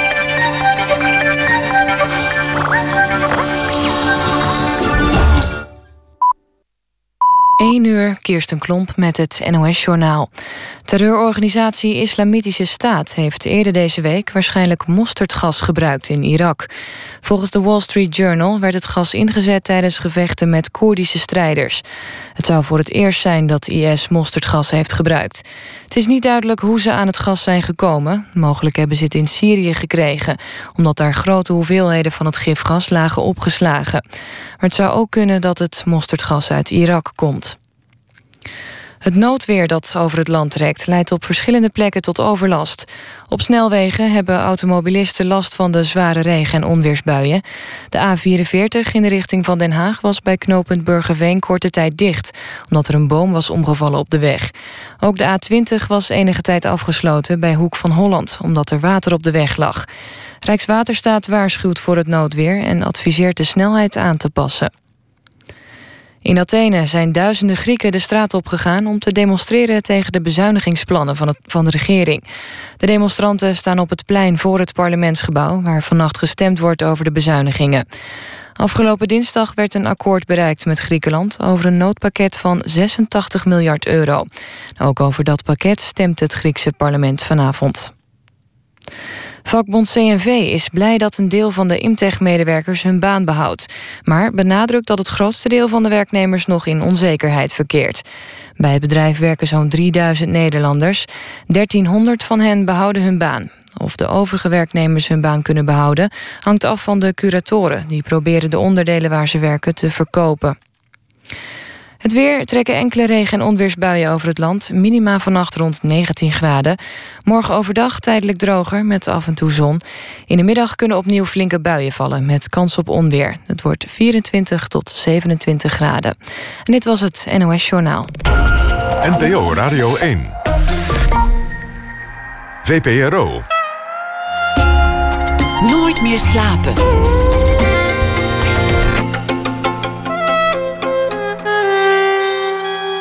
Met Pieter van der Wielen. Straks gaan we op bezoek bij kookboekschrijfster Yvette van Boven. Die heeft eh, binnenkort een eigen televisieprogramma, Koken met Van Boven. Maar we beginnen met Don Duins, schrijver voor theater en eh, televisie. En ook uh, andere media, zoals een boek, heeft hij uh, wel eens geschreven. En deze week zal hij elke nacht uh, een verhaal voor ons maken en voordragen over de voorbije dag. Don, goeienacht. Goeienacht. Gisteren verklaarde je een romanticus. Je hoopte dat het heelal niet zomaar helemaal voor niks was en dan als een nachtkaars uitging. En dat, dat het dan maar gewoon was gebeurd en nergens goed voor was. Je hoopte toch dat er iets, iets was. Ja. Meer dan. Ja. ja. Het is een belangwekkende mededeling. En, eh, en vandaag zit ik onder de bliksem gelukkig wel binnen. Ik weet niet hoe het in Hilversum is, maar in Amsterdam is het nu... eh, Oh, nu wordt het rustig. Nou, als je gezellig uh, gerikketik zou horen, dan is het het water hier op het dak, de regen. Oh ja, nee, ik, eh, in Hilversum gebeurt nooit wat. En, en ik zit hier ook in een soort betonnen kolos op het Mediapark. Als zou er buiten een kernoorlog woeden, ik zou het hier niet melden, merken. Oké, nou ja, nee, hier, hier merk je alles. Goed. hey, wat heeft je bezig gehouden vandaag? Wat is het eh, verhaal geworden? Ja, daar heeft me natuurlijk veel bezig gehouden. Ik had het gisteren al over, over kots, maar eh, ik eh, mag mijn vrouw wel dankbaar zijn, want die weerhoudt me elk jaar, eh, elke keer dag van om eh, het slechtste verhaal voor te lezen. Want ik schrijf wel altijd twee voor de zekerheid. Dus dat verhaal over kost is weer afgevallen. En nu is het verhaal over wat ik heb meegemaakt. Ga je gang. op straat. Het heet De Val. Vandaag. Ik loop over de Rozengracht op weg naar een platenzaak. Als ik een zijstraat oversteek, hoor ik wat commotie. Een al wat oudere man schokt even met zijn benen en valt dan voor de deur van een Italiaanse delicatessenzaak op de grond. Een meisje in een roze pakje, ik schat haar negen jaar, roept geschokt in een Spaans accent papa of opa. Twee vrouwen van een jaar of veertig knielen meteen bij de man neer. Die, zo zie ik tot mijn opluchting, die dood is, want hij ademt. Een van de vrouwen kijkt naar me en ik maak het gebaar van bellen. Call een ambulance? Vraag ik. Ze knikt en wijdt zich meteen weer aan de oudere man die nu op zijn zij ligt. Ik toets met zweterige vingers 112 in op mijn iPhone 5. Hallo, wilt u politie, ambulance of brandweer? Ambulance, antwoord ik en wordt meteen doorverbonden. Waar staat u? Hoekrozengracht, Tweede Bloemdwarsstraat. Kunt u beschrijven wat er gebeurd is? Ik beschrijf wat ik gezien heb. Is de man bij kennis? Ja, zeg ik. Is hij aanspreekbaar? Ook dat beaam ik. Ik zie hoe het jonge meisje in het roze pakje helemaal trillend op een bankje bij de oudere man zit. Hij heeft zijn hand op haar knie liggen, wat ik een ontroerend gebaar vind. Er worden nog wat vragen gesteld, die ik zo goed mogelijk beantwoord. Ik moet mijn nummer geven. En de man aan de andere kant van de lijn zegt kalm, we zijn onderweg. De eigenaar van de delicatessenzaak is ook naar buiten gekomen. Ik zeg dat ik de ambulance heb gebeld. Hij knikt dat het goed is. De oudere man lijkt stabiel. Het meisje in roze dat bij hem zit, zijn dochter of kleindochter, is in shock. Ze her- herhaalt steeds de naam van de man. De ambulance arriveert binnen enkele minuten. Ik besluit dat ik niet veel meer kan doen en loop door. Bij de platenzaak op de volgende hoek koop ik een oude LP van Jimi Hendrix en praat ik even met de verkoopster over muziek. Dat Wings en Paul McCartney helemaal zo slecht nog niet zijn. Als ik weer buiten kom, zie ik dat de ambulance nog steeds voor de delicatessenzaak staat. Met de man en zijn familie er nu in. Ik vraag me af of dit een goed of slecht teken is. Ik besluit tot goed. De man wordt waarschijnlijk ter plekke behandeld. Hij zal een kleine attack of zo hebben gehad, of door de hitte zijn bevangen. Als ik met de platentas in mijn handen langs de ambulance loop, zie ik het meisje in het roze pakje met grote ogen naar mij kijken. Ik steek mijn duim even op. Een onbenullig gebaar besef ik en glimlach er bemoedigend bij. Ze reageert niet. Terwijl ik naar huis wandel, met de Hendrixplaat in mijn hand, denk ik aan het meisje in het roze. Dat dacht een leuke dag te beleven in Amsterdam en in plaats daarvan met haar familie in het ziekenhuis zal belanden. Dit moment zal haar hele leven bijblijven. Zal haar haar hele leven bijblijven. Zij zal Amsterdam voor altijd associëren met onheil. De stad waar haar vader of grootvader ter aarde stortte. Vanavond heb ik nog lang op allerlei sites gezocht naar informatie over de gevallen oudere man. Maar niks gevonden. En dat is goed. Het is immers mijn zaak niet. Alleen iets dat ik zag. Vandaag. Een uh, passant was je eigenlijk. Terwijl voor iemand iets uh, misschien heel ingrijpends gebeurde, was jij gewoon een, uh, een voorbijganger. Een aardige voorbijganger, weliswaar. Maar, ik ja. heb, ik heb, maar ik heb nog nooit 112 gebeld, dus dat voelde als een overtreding. dus ik heb wel iets gedaan, maar geen reanimatie inderdaad, of, nee. of zoiets. Een, een voorbijganger en ik heb gewoon ook, ben ook doorgegaan met wat ik van plan was. Namelijk Ja. die plaat kopen. Welke, Dus is is het geworden? Welke plaat van Jimi Hendrix heb je gekocht eigenlijk? Ja, ik heb hem eigenlijk voor mijn broer gekocht, waar ik de eerste dag een verhaal over vertelde. Het is, eh, ja, hij staat er groot met zijn hoofd op. Ik heb hem vooral voor de hoes gekocht, erg hè? Nou ja, de, de rest kan je streamen toch? nou, ik ben dol op eh, langs veel platen, maar die, eh, die ligt hier thuis. En die man ligt waarschijnlijk in het ziekenhuis, hoop ik. Don, dank voor je verhaal en een goede nacht. En geniet van het onweer. Jij ook een goede nacht. We gaan luisteren naar een eh, vermaard trio uit eh, Duluth, Minnesota. De band heet Low. En eh, we gaan draaien een nummer met de titel Stay.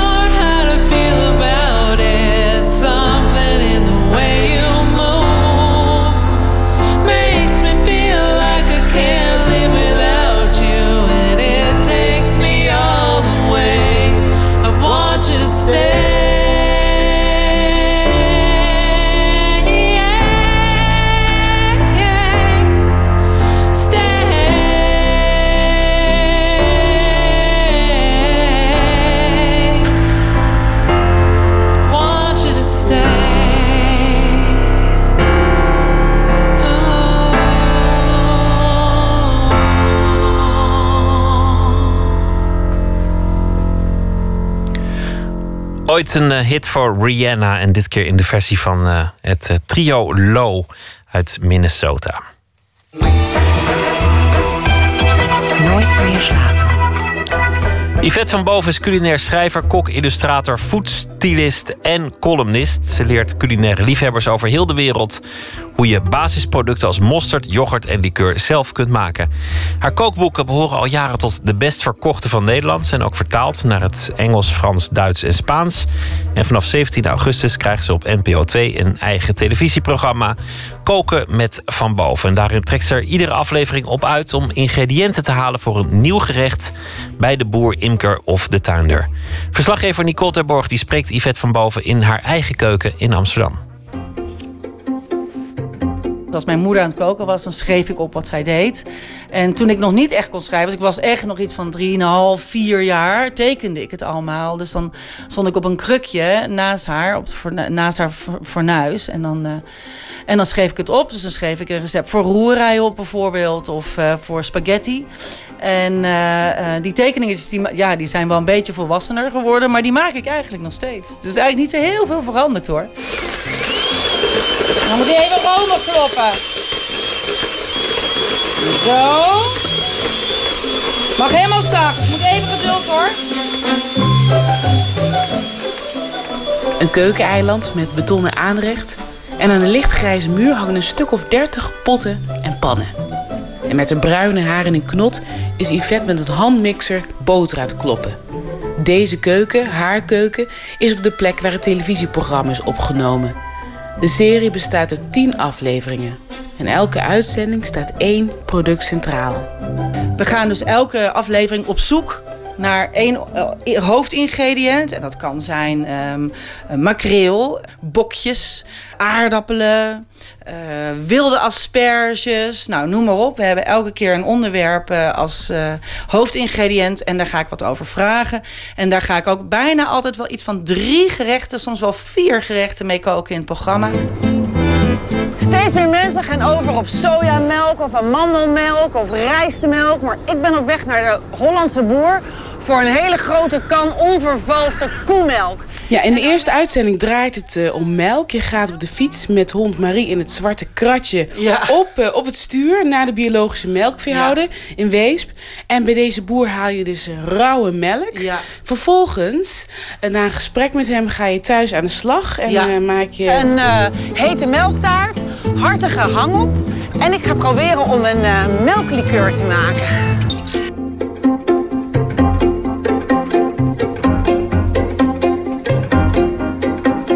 Naast haar bezoeken aan bijvoorbeeld een boer, tuinder, andere leverancier of kenner, vindt Yvette van alles in de natuur. En het liefst bij haar in de buurt. Vol- volgens de kok is zowel binnen als buiten de stad van alles te vinden dat eetbaar is. Gratis en voor niets. Er is bijvoorbeeld een plaag van rivierkreeften in de grachten, maar ook in de sloten in, in Nederland. Overal. En die nemen echt de sloten over. Er is geen natuurlijke, bijna geen natuurlijke vijand tegen. Dus dat, die worden overbevolkt. Dus het is heel goed om die op te eten. Nou, dan kun je die dus gewoon eh, s s'avonds met een schepnet uit de gracht vissen en even wassen. En die kun je gewoon op, de, op het vuur zetten. Nou ja, dat ja, want doe kijk even kijken. Zien we, is er hier een gracht in de buurt? Ja, even kijken. hier eh, inderdaad aan een gracht. Eh, het, het is ook zelfs zo, want dit, dit is een eh, uitloper van de eh, Amstel. Kan je even de deur, doe het even- raampje open doen? We doen het raampje even open. Oh, ik zie daar een eentje in de gracht zwemmen. En daar zit dus de rivierkreeft in. En die zou je dus echt kunnen eten. Daar is niks mis mee. Nee, daar is niks mis mee. We hebben ze gewoon eh, eh, eh, klaargemaakt. En het zijn zalig en best wel groot ook. Er zit best veel vlees op die staarten. En ja, we zijn hier een Hoe stuk... kom je daarbij? Nou ja, dat wist ik toevallig. En toen hebben we eh, dat met een visser en een stadsecoloog eh, hebben we dat nog nagevraagd.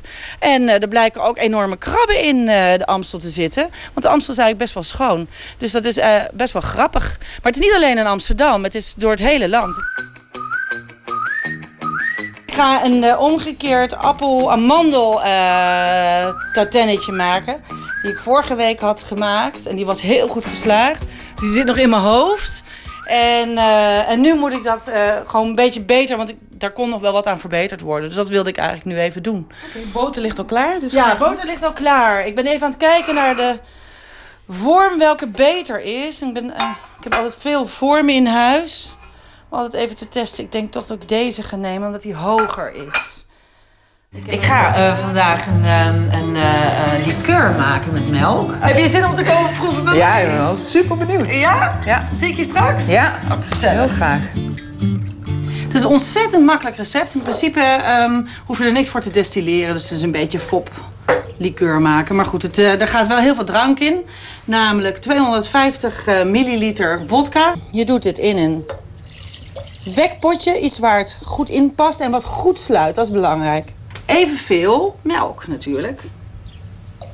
Daar gaat in suiker. Geen liqueur zonder suiker. Als ik denk aan kookprogramma's, hè, in de Ja. jaren negentig hadden we eigenlijk heel weinig. We hadden Joop Braakhekken bijvoorbeeld, Ja, ja. Cas Spijkers. Dat was het. En tegenwoordig zijn er zoveel kookprogramma's. Er is zelfs een kooknet, hè? Ja. 24-7, 24 Kitchen moet ik zeggen.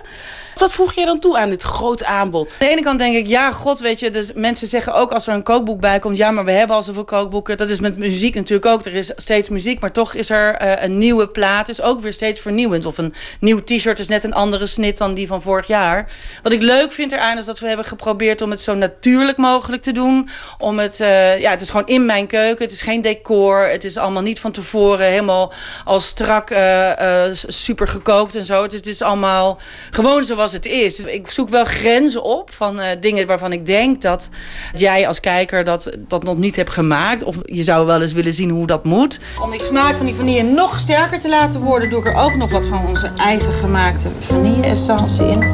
Heb jij de neiging om echt alles zelf te maken? Denk, maar waar haal je de tijd vandaan? Als je je ziet, alles... dat, dat kost geen tijd, hè? Dat kost, sorry, ik kap je helemaal af. Maar het kost, het kost namelijk helemaal geen tijd. En eh, het is gewoon zonde om het weg te gooien. En dan denk ik, ja, dan kan je het Maar je gewoon in maakt alles zelf. Van mayonaise tot ketchup tot, tot ingemaakte augurken. Die koop je niet eens.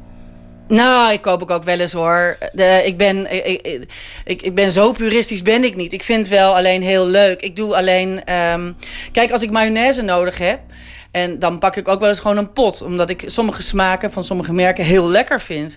Maar als ik bijvoorbeeld iets over heb, dan denk ik... Nou ja, dan kan je toch net zo goed even snel ketchup van maken... in plaats van dat ik die tomaten laat wegrotten of zoiets. Snap je? Dus het, is, het is andersom. Het is niet ik heb het nodig. Het is ik heb het over. En dan gooi ik het niet weg, dan maak ik er iets mee.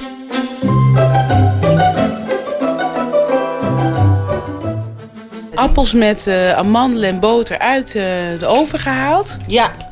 En nou gaat het beslag erop. Dat ga ik even een beetje lepelen. Want zo. Dus je kunt natuurlijk niet wrijven, want dan gooi je al die appels door de war. Dus je moet het een beetje scheppen. Je hebt de interieurarchitectuur gestudeerd eh, Ja. aan de kunstacademie. Je hebt vijf jaar een ontwerpbureau gehad met je zus. Ja. Hoe is dat koken dan toch een soort leidende rol gaan spelen in je, in je leven? Is het je werk geworden? Ja, dat is wel grappig. Ik zal je zeggen, ik wilde eigenlijk altijd wel iets met koken doen. Mijn ouders zeiden: nee, joh, je moet naar de kunstacademie. Dat is echt veel meer iets voor jou. Ehm, daar hadden ze ook wel gelijk in. Want dat was ook heel erg iets voor mij. Dat vond ik ook hartstikke leuk. Maar dat koken vond ik eh, zijdelings ook heel erg leuk. Dus dat heb ik eigenlijk altijd al gedaan. Vanaf, eh, nou ja, vroeger gewoon natuurlijk niet professioneel. Altijd eh, waren we, was ik toch wel degene die op feestjes de, lul was, zeg maar. Die altijd, altijd stond in de keuken stond. En later ben ik, nou ja, zo gauw ik kon in restaurants gaan werken. En eh, opgeklommen van eh sperziebonendopper tot eh, leider van de keuken op een gegeven moment. Die de hele catering en alles zelf deed. Ehm, dat heb ik altijd ontzettend leuk gevonden. En, en bij een restaurant waar ik werkte op een gegeven moment in Den Haag... heb ik ook mijn eerste kookboekje geschreven. Eh, puur voor dat restaurant zelf. En dat was, eh, dat was al honderd jaar geleden. Dus dat is altijd wel, dat is altijd wel een, een soort rode lijn geweest naast dat ontwerpen. En toen ik ook afgestudeerd was, eh, klaar was en, en, en met mijn zus een ontwerpbureau had... Toen, begon ik, toen, kon ik het niet meer, toen ging ik niet meer koken in restaurants. Want toen had ik ineens een baan als ontwerper. En toen begon ik dat koken zo verschrikkelijk te missen. Ik lag echt er wakker van. En toen, mijn, ik, ik, ik kende toen overal. Want wij zijn al 200 jaar samen. En die eh, had toch wel eens een keer iemand nodig die eh, eh, iemand, iets iets klaarmaakte voor fotografie, eh, eten klaarmaakte, zei dat kan jij toch wel doen. En ja, toen heette dat nog geen foodstylist, toen was het gewoon iets van ja, fotokok. En toen maakte ik al wat klaar voor fotografie. En toen dacht ik, god, dat kan, ja, dat kan je eigenlijk best wel leuk erbij doen. Dus dat, ben ik, dat is altijd een zijpad geweest. Totdat ik na een paar jaar, dus na vijf jaar ongeveer, echt dacht van nou, nu moet het... Nu moet ik toch echt wel meer met dat koken gaan doen. Dus toen is dat, toen is dat eh, echt de overhand gaan nemen. Ik eh, was op een gegeven moment bezig met een groot project. Heel groot kantorencomplex wat ik moest inrichten. En ik, ik, stond, ik liep met eh, grote bouwhelmen en bouwtekeningen en de aannemers over het terrein. En, ze lag, en, en lag s'avonds in bed en toen dacht ik... oh jongens, echt, dit gaat weer weken, maanden, jaren duren... voordat ik hier weer doorheen ben. Ik wil eigenlijk alleen maar taart bakken. En, eh, en toen heb ik dat echt letterlijk zo uitgesproken tegenover. En die zei ook van ja, maar ja, weet je, je moet ook maar denken van... Dat was toen een gelukkige tijd, wat je was je zorgenvrijer. Nu ben je gewoon professioneel. En ik dacht, nee, dat is het niet. Het is veel groter dan dat, dat gevoel. Het is veel groter. Ik, ik wil echt alleen maar taart bakken. En eh, nou ja, dat... Oof is jouw, eh, jouw man, hè? Ja. Eh, hoe neem je dan dat besluit? Want er zijn meer mensen die wakker liggen van hetgeen ze doen nu. Dat ze eigenlijk een carrière switch willen maken. Ja. Maar je hebt echt het besluit genomen. Ja. Wat was dat dan dat je toch dat je het ging doen ook echt? Door het gewoon te doen. Ik ben, eh, ik ben van. eh, ik, ik, nou, ik kan ook destructief zijn, een beetje zelfdestructief zijn, maar ik kan wel heel impulsief wendingen nemen. Of ja, minder impulsief vind ik zelf, maar dat vindt mijn buitenwereld soms wel.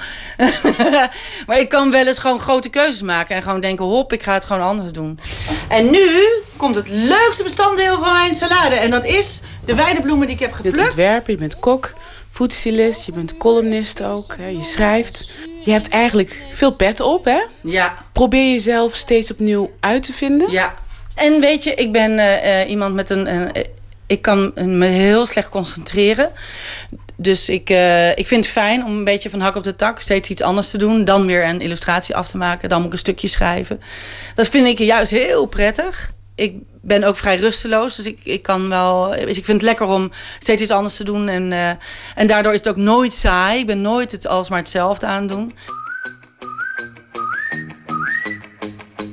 Koken met Van Boven vanaf 17 augustus te zien op NPO 2 om vijf voor half acht 's avonds. Een reportage van Nicole Terborg was dat. Uit Nederland een band die zich van een personennaam bedient met Winson. Een eerste EP is uit met de titel Glowing Eyes.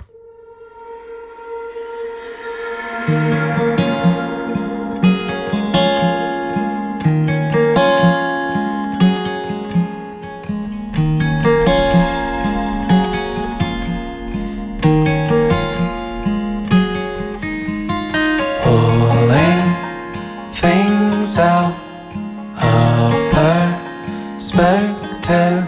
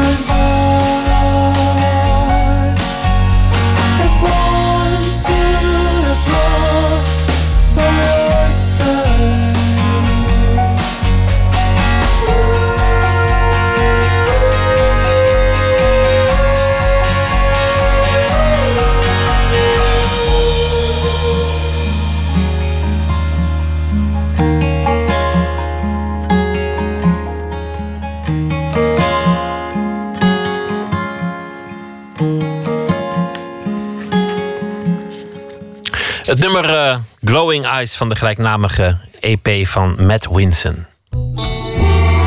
Nooit meer slapen. Nog een paar nachtjes slapen of wakker liggen in het geval van echte Tolkien-fans. En dan is er een nieuw boek van hun grote held Tolkien. En nog wel het allereerste boek dat hij ooit geschreven heeft. Botte Jellema's nachtcorrespondent. Botte, goeienacht. Goeienacht. Over welk boek hebben we het? Ja, The Story of Cullervo gaat het over. Tolkien die schreef het toen hij 23 was. Uh, en het is nog nooit eerder in boekvorm uitgegeven. Uh, het zorgt voor behoorlijk wat opwinding bij de fans wereldwijd. Want nou ja, J.J.R. Tolkien is toch wel een van de meest bewonderde schrijvers ooit. Het meest bekendste hij natuurlijk van het uh, schrijven van De Band van de Ring, oftewel Lord of the Rings. En The Hobbit kennen we allemaal. Uh, de Silmarillion is, uh, is een hele bekende, hele grote. Fantasyboeken hebben we het over. Tolkien wordt gezien als de belangrijkste fantasy-schrijver.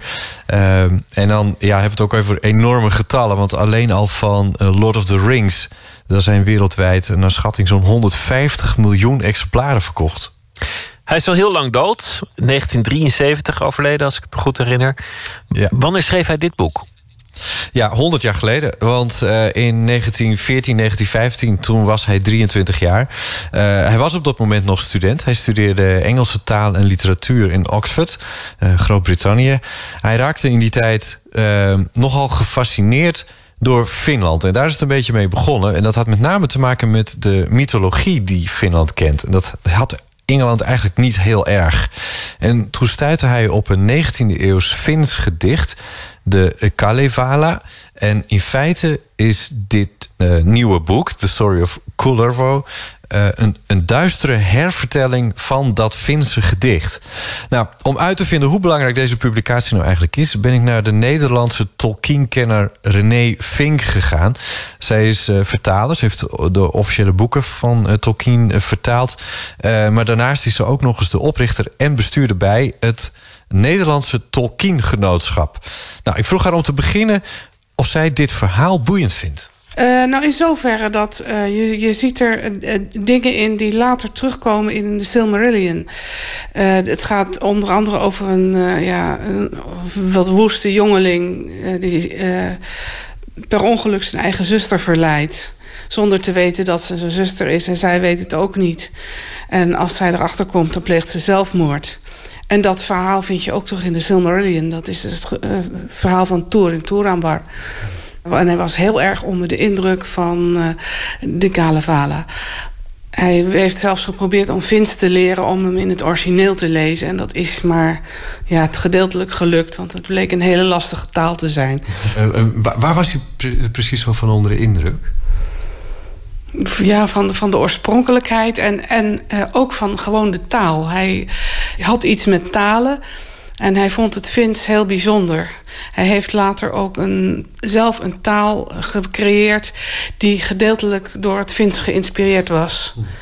Dus ik denk dat zijn, zijn bewondering vooral op het taalkundige vlak lag. Ja, taalkundig dus, maar ook wat betreft uh, de mythologie was hij hierin geïnteresseerd. The Guardian, de krant, de Britse krant, die citeert uh, Tolkien over dit specifieke werk. Die heeft erover gezegd: The germ of my attempt to write legends of my own. Oftewel, uh, de kiem van mijn pogingen om zelf legendes te schrijven. Nou, dat is aardig gelukt als je kijkt naar het immense succes van The Lord of the Rings. Um, het is uh, heel makkelijk om te verdwalen in de titels en de termen van Tolkien. Maar voor de volledigheid nog even een toevoeging van René over om welk verhaal het nu precies gaat. Het uh, verhaal van Turin is natuurlijk ook al inmiddels apart uitgebracht. The Children of Hurin. Ook in het Nederlands vertaald als de kinderen van Hurin uiteraard. Mm -hmm. En uh, het, het gaat specifiek om dat verhaal dus. Ja, de, het verhaal van Turin Turambar van Tolkien... dat is ook gebaseerd op een personage uit dat Finse uh, Kalevala. En uh, dat heeft Tolkien een keer in een brief van zijn uitgever geschreven. Nou, je hoeft het allemaal niet verder te onthouden, maar het, het, het is allemaal ook gebaseerd op. Uh, uh, dat lijkt allemaal een beetje op dat Sigmund uit uh, de, de Valkuur, hè, bekend van Richard Wagner. nou ja, het, het, een beetje in die sfeer zit. Hè? Dus die oude, oude Europese mythologie. Dat hoef je allemaal niet te onthouden. Maar iedereen die een beetje van de hoed en de rand van Middle-earth en Tolkien weet... die had ik zeker achter me aangekregen... als ik eh, niet helemaal volledig was geweest op dit gebied.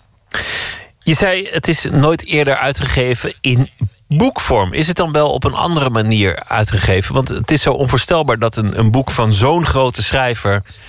Uh, verscholen blijft. Ja, het is, ook, het is ook al eerder boven water gekomen. Het is niet een nieuw ontdekt manuscript. Het is bijvoorbeeld uh, vijf jaar geleden verschenen in een studie van een Tolkien-geleerde. Uh, het is nog nooit verschenen voor publiek, maar dat is nu dus wel zo. Die geleerde die heeft het manuscript nu ook bewerkt voor het boek. Want um, ja, het, dit, er is, het is niet alleen nooit voor publiek verschenen, maar het was ook nooit helemaal af, the story of Cullervo. Uh, als je kijkt naar de enorme productie van Tolkien, dan is dat ook niet heel verwonderlijk dat hij af en toe wat uh, aan de kant schoof. Um, maar het is een beetje hetzelfde als wat is gebeurd met uh, Silmarillion. Dat verscheen ook postuum. 1977 was dat. En dat was toen met bewerkingen van zijn zoon. En uh, dat was toen nodig om het consistent en als een geheel bij elkaar te krijgen. Nou, hier was dus ook nog wel wat nodig om het bij elkaar te krijgen allemaal. Ik vroeg René over onder Tolkien-fans nu dus... Uh, hoe daar naar dit boek wordt uitgekeken. Nou ja, door sommigen. Er zijn mensen die vinden gewoon alles interessant en belangrijk wat hij geschreven heeft. En dit is natuurlijk toch de kiem van een van zijn grote latere verhalen. Maar er zijn ook mensen die zijn vooral in middenaarde geïnteresseerd. En die, nou ja, die vinden het wel mooi, maar die hoeven niet per se dit ook nog eens een keer te lezen. Ja, René Vink was vanmiddag zelfs bezig uh, met het vertalen van een uh, Tolkien-boekje. En uh, de, de Story of Colorful verschijnt volgende week voor het eerst in het Engels. Dus ik vroeg me meteen ook af of wellicht zij dit verhaal ook gaat vertalen. dat zou heel goed kunnen, ja. Maar ik weet het niet zeker. Dat, ik, dus ik, ja, ik kan er niks over zeggen, maar het, de mogelijkheid bestaat zeker. Er zijn teksten waarvan je weet, nee, dat gebeurt niet. Maar dit, dit is zeker mogelijk. Kijk je daar naar uit? Jawel, ik vind het heel interessant. Dus ik ben wel iemand die dus dat soort dingen wil lezen. Ja, The Story of Colorful uh, van Tolkien. Een, uh, een, jeugdwerk. Het verschijnt in Groot-Brittannië uh, 27 augustus. Later in de Verenigde Staten pas, merkwaardig genoeg. Omdat het waarschijnlijk toch om, om, om dezelfde uitgave gaat uh, qua taal. En ja. in Nederland, wanneer, wanneer is dat? Ja, nou, ik heb dus een beetje geprobeerd om het uit haar te krijgen van, nou ja, ben je gepolst en al die dingen meer. Maar het, ze, hield zich daar keurig over op de vlakte. Dus nee, er is geen datum bekend uh, wanneer het in Nederland zal verschijnen. Maar mijn inschatting is, als je dan echt een Tolkien-liefhebber bent, ja, dan wil je dit toch ook gewoon in, het, uh, in de originele taal wil je dit lezen. Dus dan wil je het ook in het Engels lezen. Nou, dan kun je dus inderdaad vanaf 27 augustus kun je terecht. Het lijkt ook wel alsof er de laatste jaren een soort revival van, van de fantasy aan, aan de gang is. Hè? Met, met spellen, computerspellen, uh, verkleeddagen, uh, andere films, boeken. Ik vond het vroeger altijd iets van de jaren zeventig, maar de laatste jaren heeft het volgens mij een enorme hoos weer door, doorgemaakt. Heb jij die indruk ook? Ja. Nee, die indruk heb ik ook. En ik heb zelf het vermoeden dat dat in de eerste plaats te maken heeft met, dat die, met het succes van uh, die Tolkien-verhalen uh, die verfilmd zijn. En dan bedoel ik dus gewoon de Lord of the Rings trilogie. Want ik heb, maar dat kan aan mij liggen, maar dat was in mijn studententijd dat dat uh, allemaal naar buiten kwam. En vanaf toen kreeg ik ineens ook vrienden die ineens boekenkasten vol hadden staan met allemaal van die fantasyboeken. Uh, inderdaad, van die, die ver, verkleed dagen, of hoe dat dan precies heet. Maar uh, van mensen die hele rollenspellen in, in bossen aan het doen zijn, allemaal in fantasy-stijlen en, en zo. draken jagen en weet ik het, ja. Ja, ja ik, ik, ik vind het heerlijk als mensen zich zo kunnen uitleven in, uh, in hun fantasie. Ik vind het allemaal prachtig. Ik ben er zelf niet zo van, maar ik vind het wel heel mooi. Ik denk dus uh, dat dat door de, ja, ik bedoel, die films die zijn, wat je er verder ook van vindt, ze zijn prachtig gemaakt. En dat dat een hele grote invloed heeft gehad op het uh, succes, hernieuwde succes inderdaad van, uh, van de fantasy. Story of Colorful, uh, binnenkort in de boekwinkel. Botte Jellema, dankjewel. Goeienacht. Goeienacht. Pas anderhalf jaar geleden begon ze met zingen, maar haar wordt een uh, grote toekomst voorspeld. Starling, een uh, zangeres. De tweede single heeft als titel Misfit.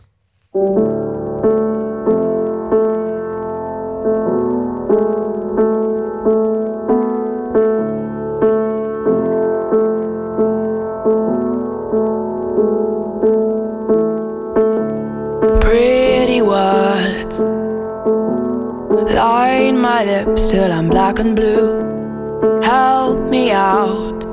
Help.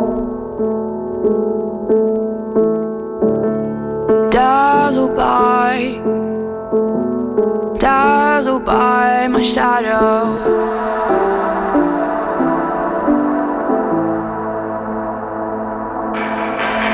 You can tell the boys I don't wanna play. Agitated heart go the other way. I had it in my mind that I'd have to stay, but I don't wanna stay. I don't wanna stay. Dress me up again, these are plasticine. What's the job? I don't know. I just daydream. Irish shoot me down, but I handle it. I'm a misfit. I'm a misfit.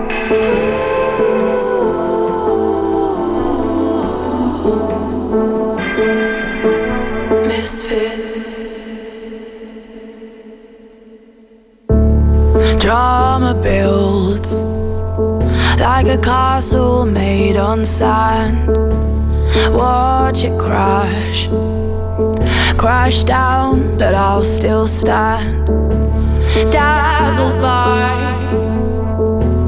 dazzled by my shadow.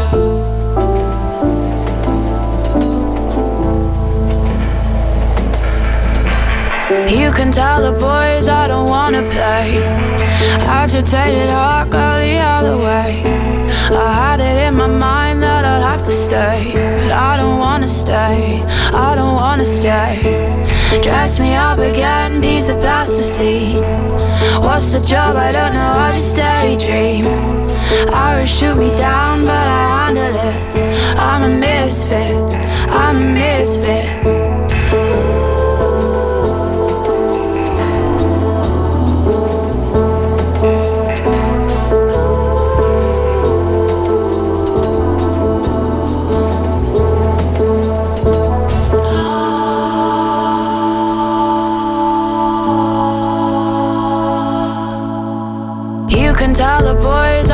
Wanna play.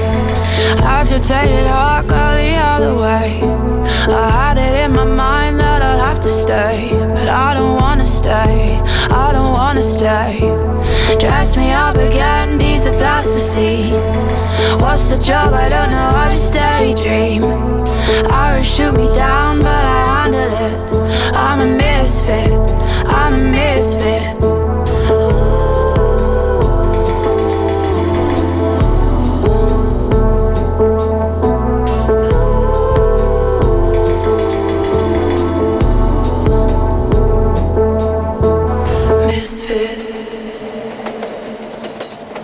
Misfit.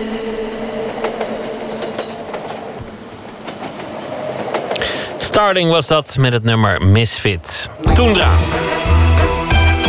Nooit meer slapen.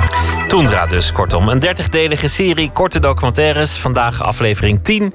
De hoofdrol over het subtiele verschil tussen het echte leven en een speelfilm. Maker Jair Stijn.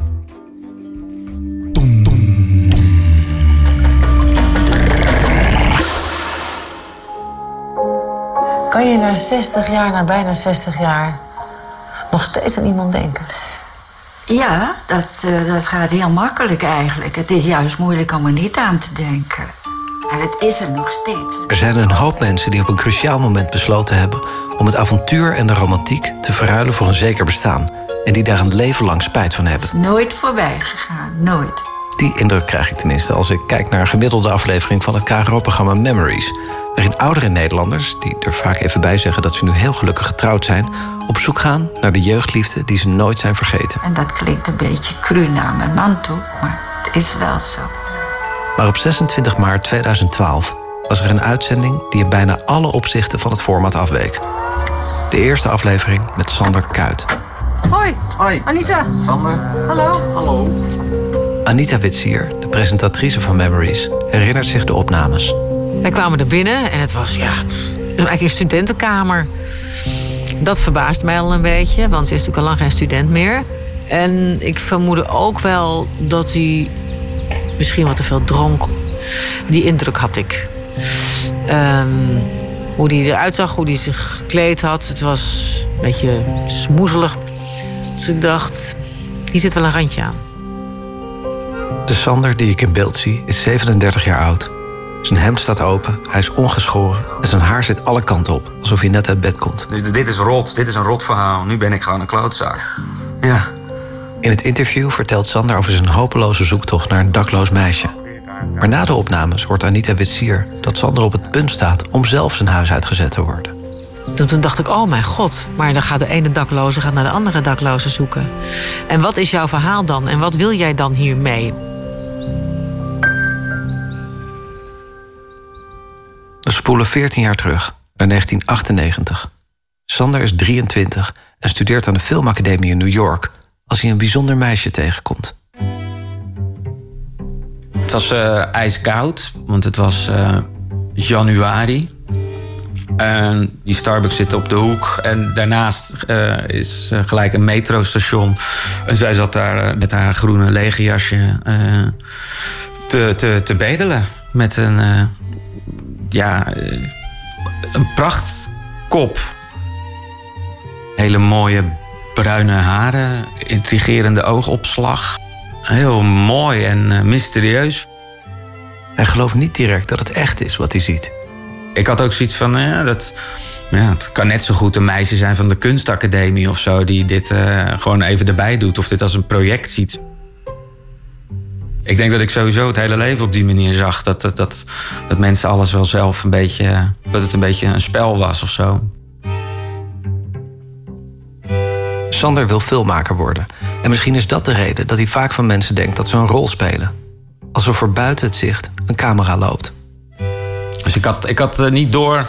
Toen ik op haar afstapte, had ik niet het gevoel... dat ze toch wel echt, eh, echt een dakloos eh, persoon was. Hij raakt met het meisje in gesprek en enkele weken later vraagt hij haar of ze de hoofdrol wil spelen in zijn afstudeerfilm, die een mengeling moet zijn tussen feit en fictie. Het meisje speelt zichzelf. Ze heet Emily. Hi, my name is Emily Ann, and I'm 20 years old. I've been homeless since I was 10. Uiteindelijk gingen we dan filmen en dat merkte ik wel... dat ze wel echt eh, ziek was van de straat. Toen ben ik ook naar dat, eh, naar dat pand gegaan waar ze dan eh, overnachten. Echt, echt een crackpand. Je verschillende junkies in hokjes en zo zag liggen. En zij had ook een, een kamer met een matras. Dat was echt wel vies hoor. Echt zo'n, zoals je het wel kent, zoals ik het dan wel kende uit films. Speciaal voor de première heeft Emily een jurk aangetrokken. En na de ceremonie vraagt ze Sander of ze met hem mee mag naar Nederland. Hij zegt: Ik, eh, ik moet daar even over nadenken en eh, ik kom daarop terug. Maar ik moet nu eerst echt eventjes naar de, die afterparty. Ze spreken af om elkaar enkele dagen later weer te zien. Op dezelfde plek waar hij haar de eerste keer had aangesproken. Maar als Sander Emily ziet zitten aan de overkant van de straat, durft hij niet naar haar toe te gaan om te zeggen dat hij haar niet kan helpen. Dus toen ben ik weggelopen. Eh, ja, toen ben ik weggelopen. Ik heb haar laten zitten. Ik voelde, ik had iets, ik weet niet, ik had het gevoel dat ik iets ergs had gedaan en eh, ik vond het echt eh, vreselijk. Sander keert terug naar Nederland. Jaren gaan voorbij. En af en toe kwam het dus wel eens ter sprake. Het verhaal van Emily en hoe zou het nu met haar gaan. Dus dat, dat, eh, ja, dat zijpelde zo, zo tien jaar lang een beetje, een beetje door. Tot hij op een zomeravond voor het eerst vertelt hoe hij Emily heeft achtergelaten. Aan zijn beste vriendin, Huda. En toen bleek dat hij heel veel spijt had en heel veel schuld. En toen vroeg ik van, maar waarom ga je dan, daar dan niet wat mee doen? En Huda die zei van, joh, je moet daar gewoon naartoe gaan. Je moet haar eens gaan opzoeken. Een vriend wil wel mee om het te filmen. En eh, ja, toen ging het heel snel. En laten we gaan. De zoektocht loopt op niks uit. Behalve dat het parool er lucht van krijgt. En dan het radioprogramma Cappuccino en dan het tv-programma Memories. Het verhaal wijkt af van wat er normaal in Memories te zien is. De hoofdpersoon is jong. Er is geen liefde, eigenlijk zelfs nauwelijks sprake van vriendschap tussen Sander en Emily. En de romantische ontmoeting blijft uit. Het enige wat je ziet is Anita Witsier in gesprek met Sander over hoe die Emily heeft achtergelaten en hoe schuldig hij zich erover voelt. Met wat voor gevoel zat je in dat toestel terug? Ja, ik heb het, toch dat meisje daar achtergelaten. En dat heeft dan echt toch altijd in mijn achterhoofd gezeten tot aan de dag van vandaag. De redactie heeft geen idee hoe het publiek zal reageren. Maar al snel blijkt. Men vond het fantastisch. Nog geen minuut later eh, knalde mijn hele inbox van een mail en Facebook eh, uit, zeg maar. Sander wordt overspoeld door reacties. Van, eh, wauw, wat eh, ja, bijzonder en eh, hou vol. Ik weet niet, ik denk dat ze me ook, ja, ik weet het niet, aandoenlijk vonden of zo. Dat ze het zielig voor me vonden ook enigszins. Ze wilden me helpen. Honderden, hè? Ja. Ik ging ook overal op in. Dat had ik natuurlijk ook eigenlijk helemaal niet moeten doen. Het zijn vooral vrouwen die reageren. Wat prachtig hoe oprecht jij over haar je verhaal doet. Volgens mij ben je heel puur. Zoveel tederheid in je ogen. Ze vuurden van het scherm af. Het was niet alleen je verhaal waardoor ik bleef plakken, maar ook je gezicht. Terwijl je je verhaal vertelde. En het enige wat ik kon bedenken was: wat een mooi mens. Wat waren je eerste gedachten toen je, toen je, die, toen je, dat, toen je begon door te krijgen wat voor een effect dit had? Weet je dat nog? Ja, seks.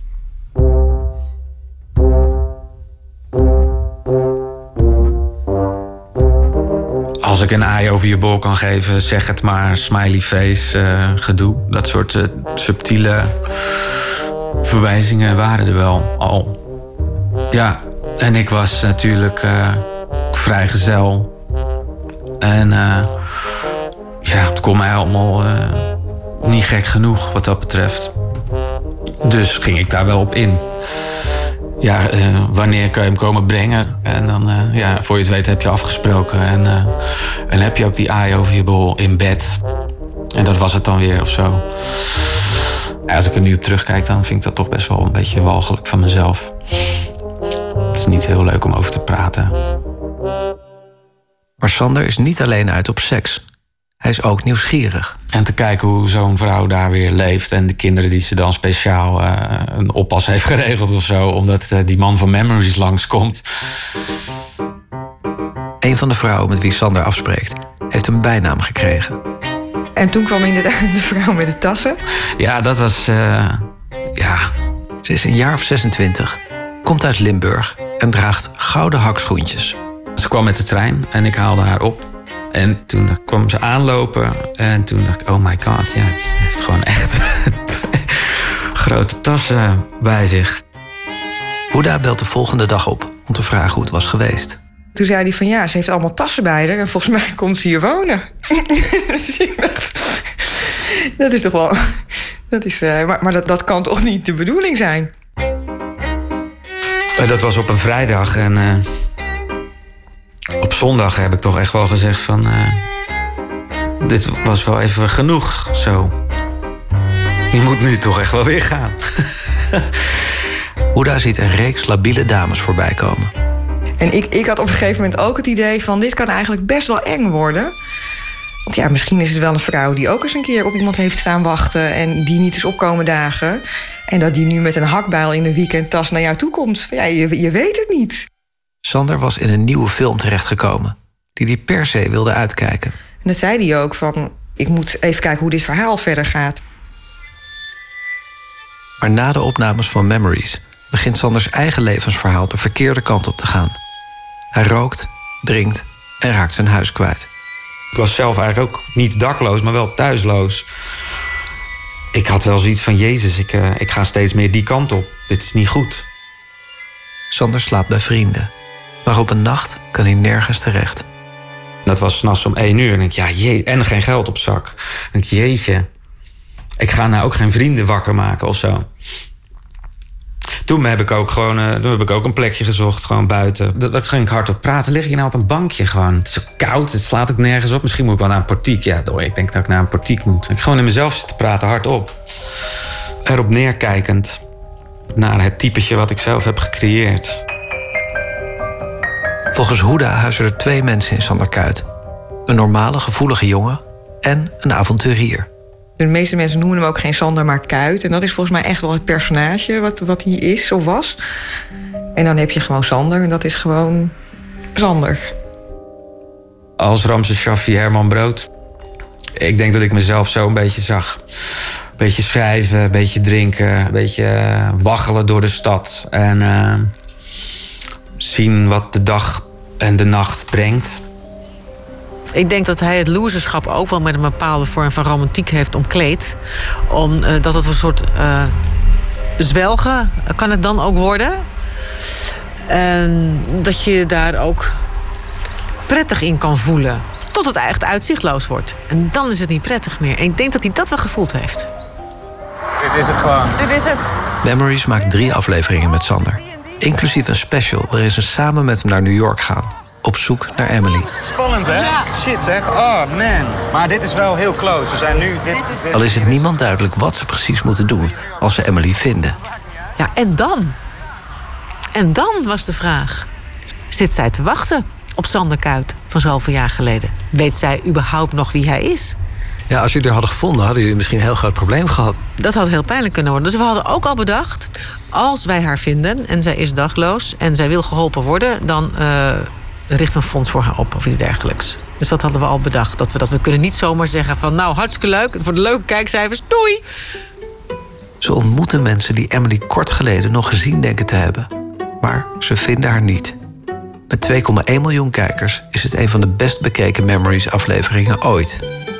En ook al is Emily tot op de dag van vandaag zoek, Sander heeft wel iemand anders gevonden. Een jaar na de uitzending krijgt hij een bericht van een jonge vrouw die door Memories nieuwsgierig naar hem is geworden. Het is anders van toon dan de andere brieven. Het voelt serieus. Ja, de grap is dat dat ook via dit... eh, als Memories er niet was geweest, was zij er dus ook niet geweest. Sander en zijn vriendin zijn nu twee jaar samen.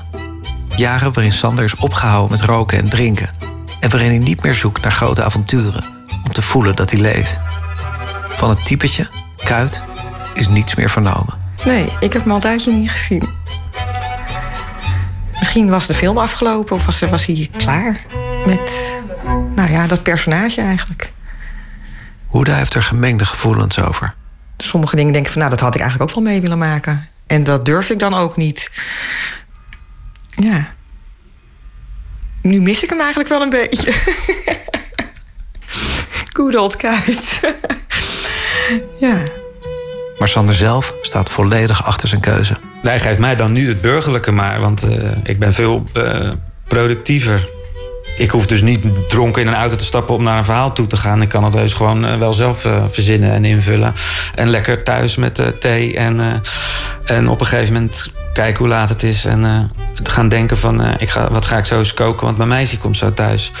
En dan lekker samen aan tafel eten en, en zelfs een potje Yatzee spelen, wat ik geweldig vind. en dan voel ik me goed.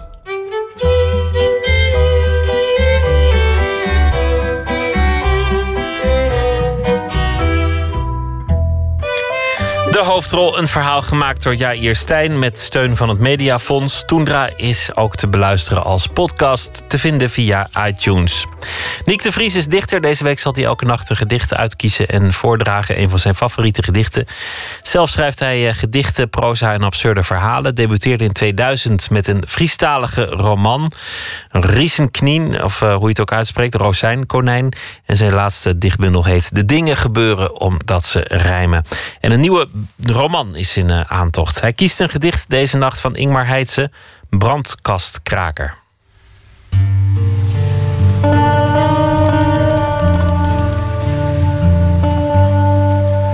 Het gedicht wat ik vannacht ga voordragen is van Ingmar Heitse en het heet Brandkastkraker. Het gaat ook over een brandkastkraker, eh, maar voor mij gaat het over iets anders. Ik ben een nakomer. Ik heb één broer en twee zussen en eh, die gingen vaak andere dingen doen. En dan was ik vaak zelf, ging ik fietsen, bijvoorbeeld in de, in de natuur. En ehm, omdat ik dan alleen was, kregen de dingen een eh, bijzondere lading. En daar gaat voor mijn gevoel dit gedicht over. Brandkastkraker. Om te beginnen, zegt de kraker, hoef je nergens van onder de indruk te zijn. Open en dicht zijn zulke oppervlakkige begrippen. Een kluis, met al zijn massa en gewicht, is op zichzelf niet meer of minder afgesloten dan een auto of een houten schuur. Of je nu een sleutel hebt of niet. Waar het om gaat, een deur is een mogelijkheid. Een slot is een kans. De rest is een kwestie van tijd en talent. Als ze werkelijk niet wilden dat je erin kon, hadden ze die brandkast wel dichtgelast. Verder, zegt hij, moet je ervan overtuigd zijn dat de wil in de materie is. Een afgesloten safe wacht in essentie op één ding: opengaan. Jij hoeft het alleen maar te laten gebeuren. Onthoud tenslotte het verschil met een dief. Een dief leeft te midden van deuren, sloten en buit. Wij zien mogelijkheden. Het gedicht Brandkastkraker van Ingmar Heitse, gelezen door Niek de Vries. Morgen zal hij weer een uh, gedicht uitkiezen. Morgen zit hier Esther Parkin in gesprek met Jessica Borst. Zij regisseert cabaretiers als Brigitte Kaandorp, Dolf Jansen, Sarah Kroos en Pieter Derks. En uh, voor nu een hele goede nacht. Zometeen is uh, Astrid terug in haar hoedanigheid als nachtzuster. Ik wens u een goede nacht. Morgen een leuke dag. Hoop dat u weer luistert. Goeienacht.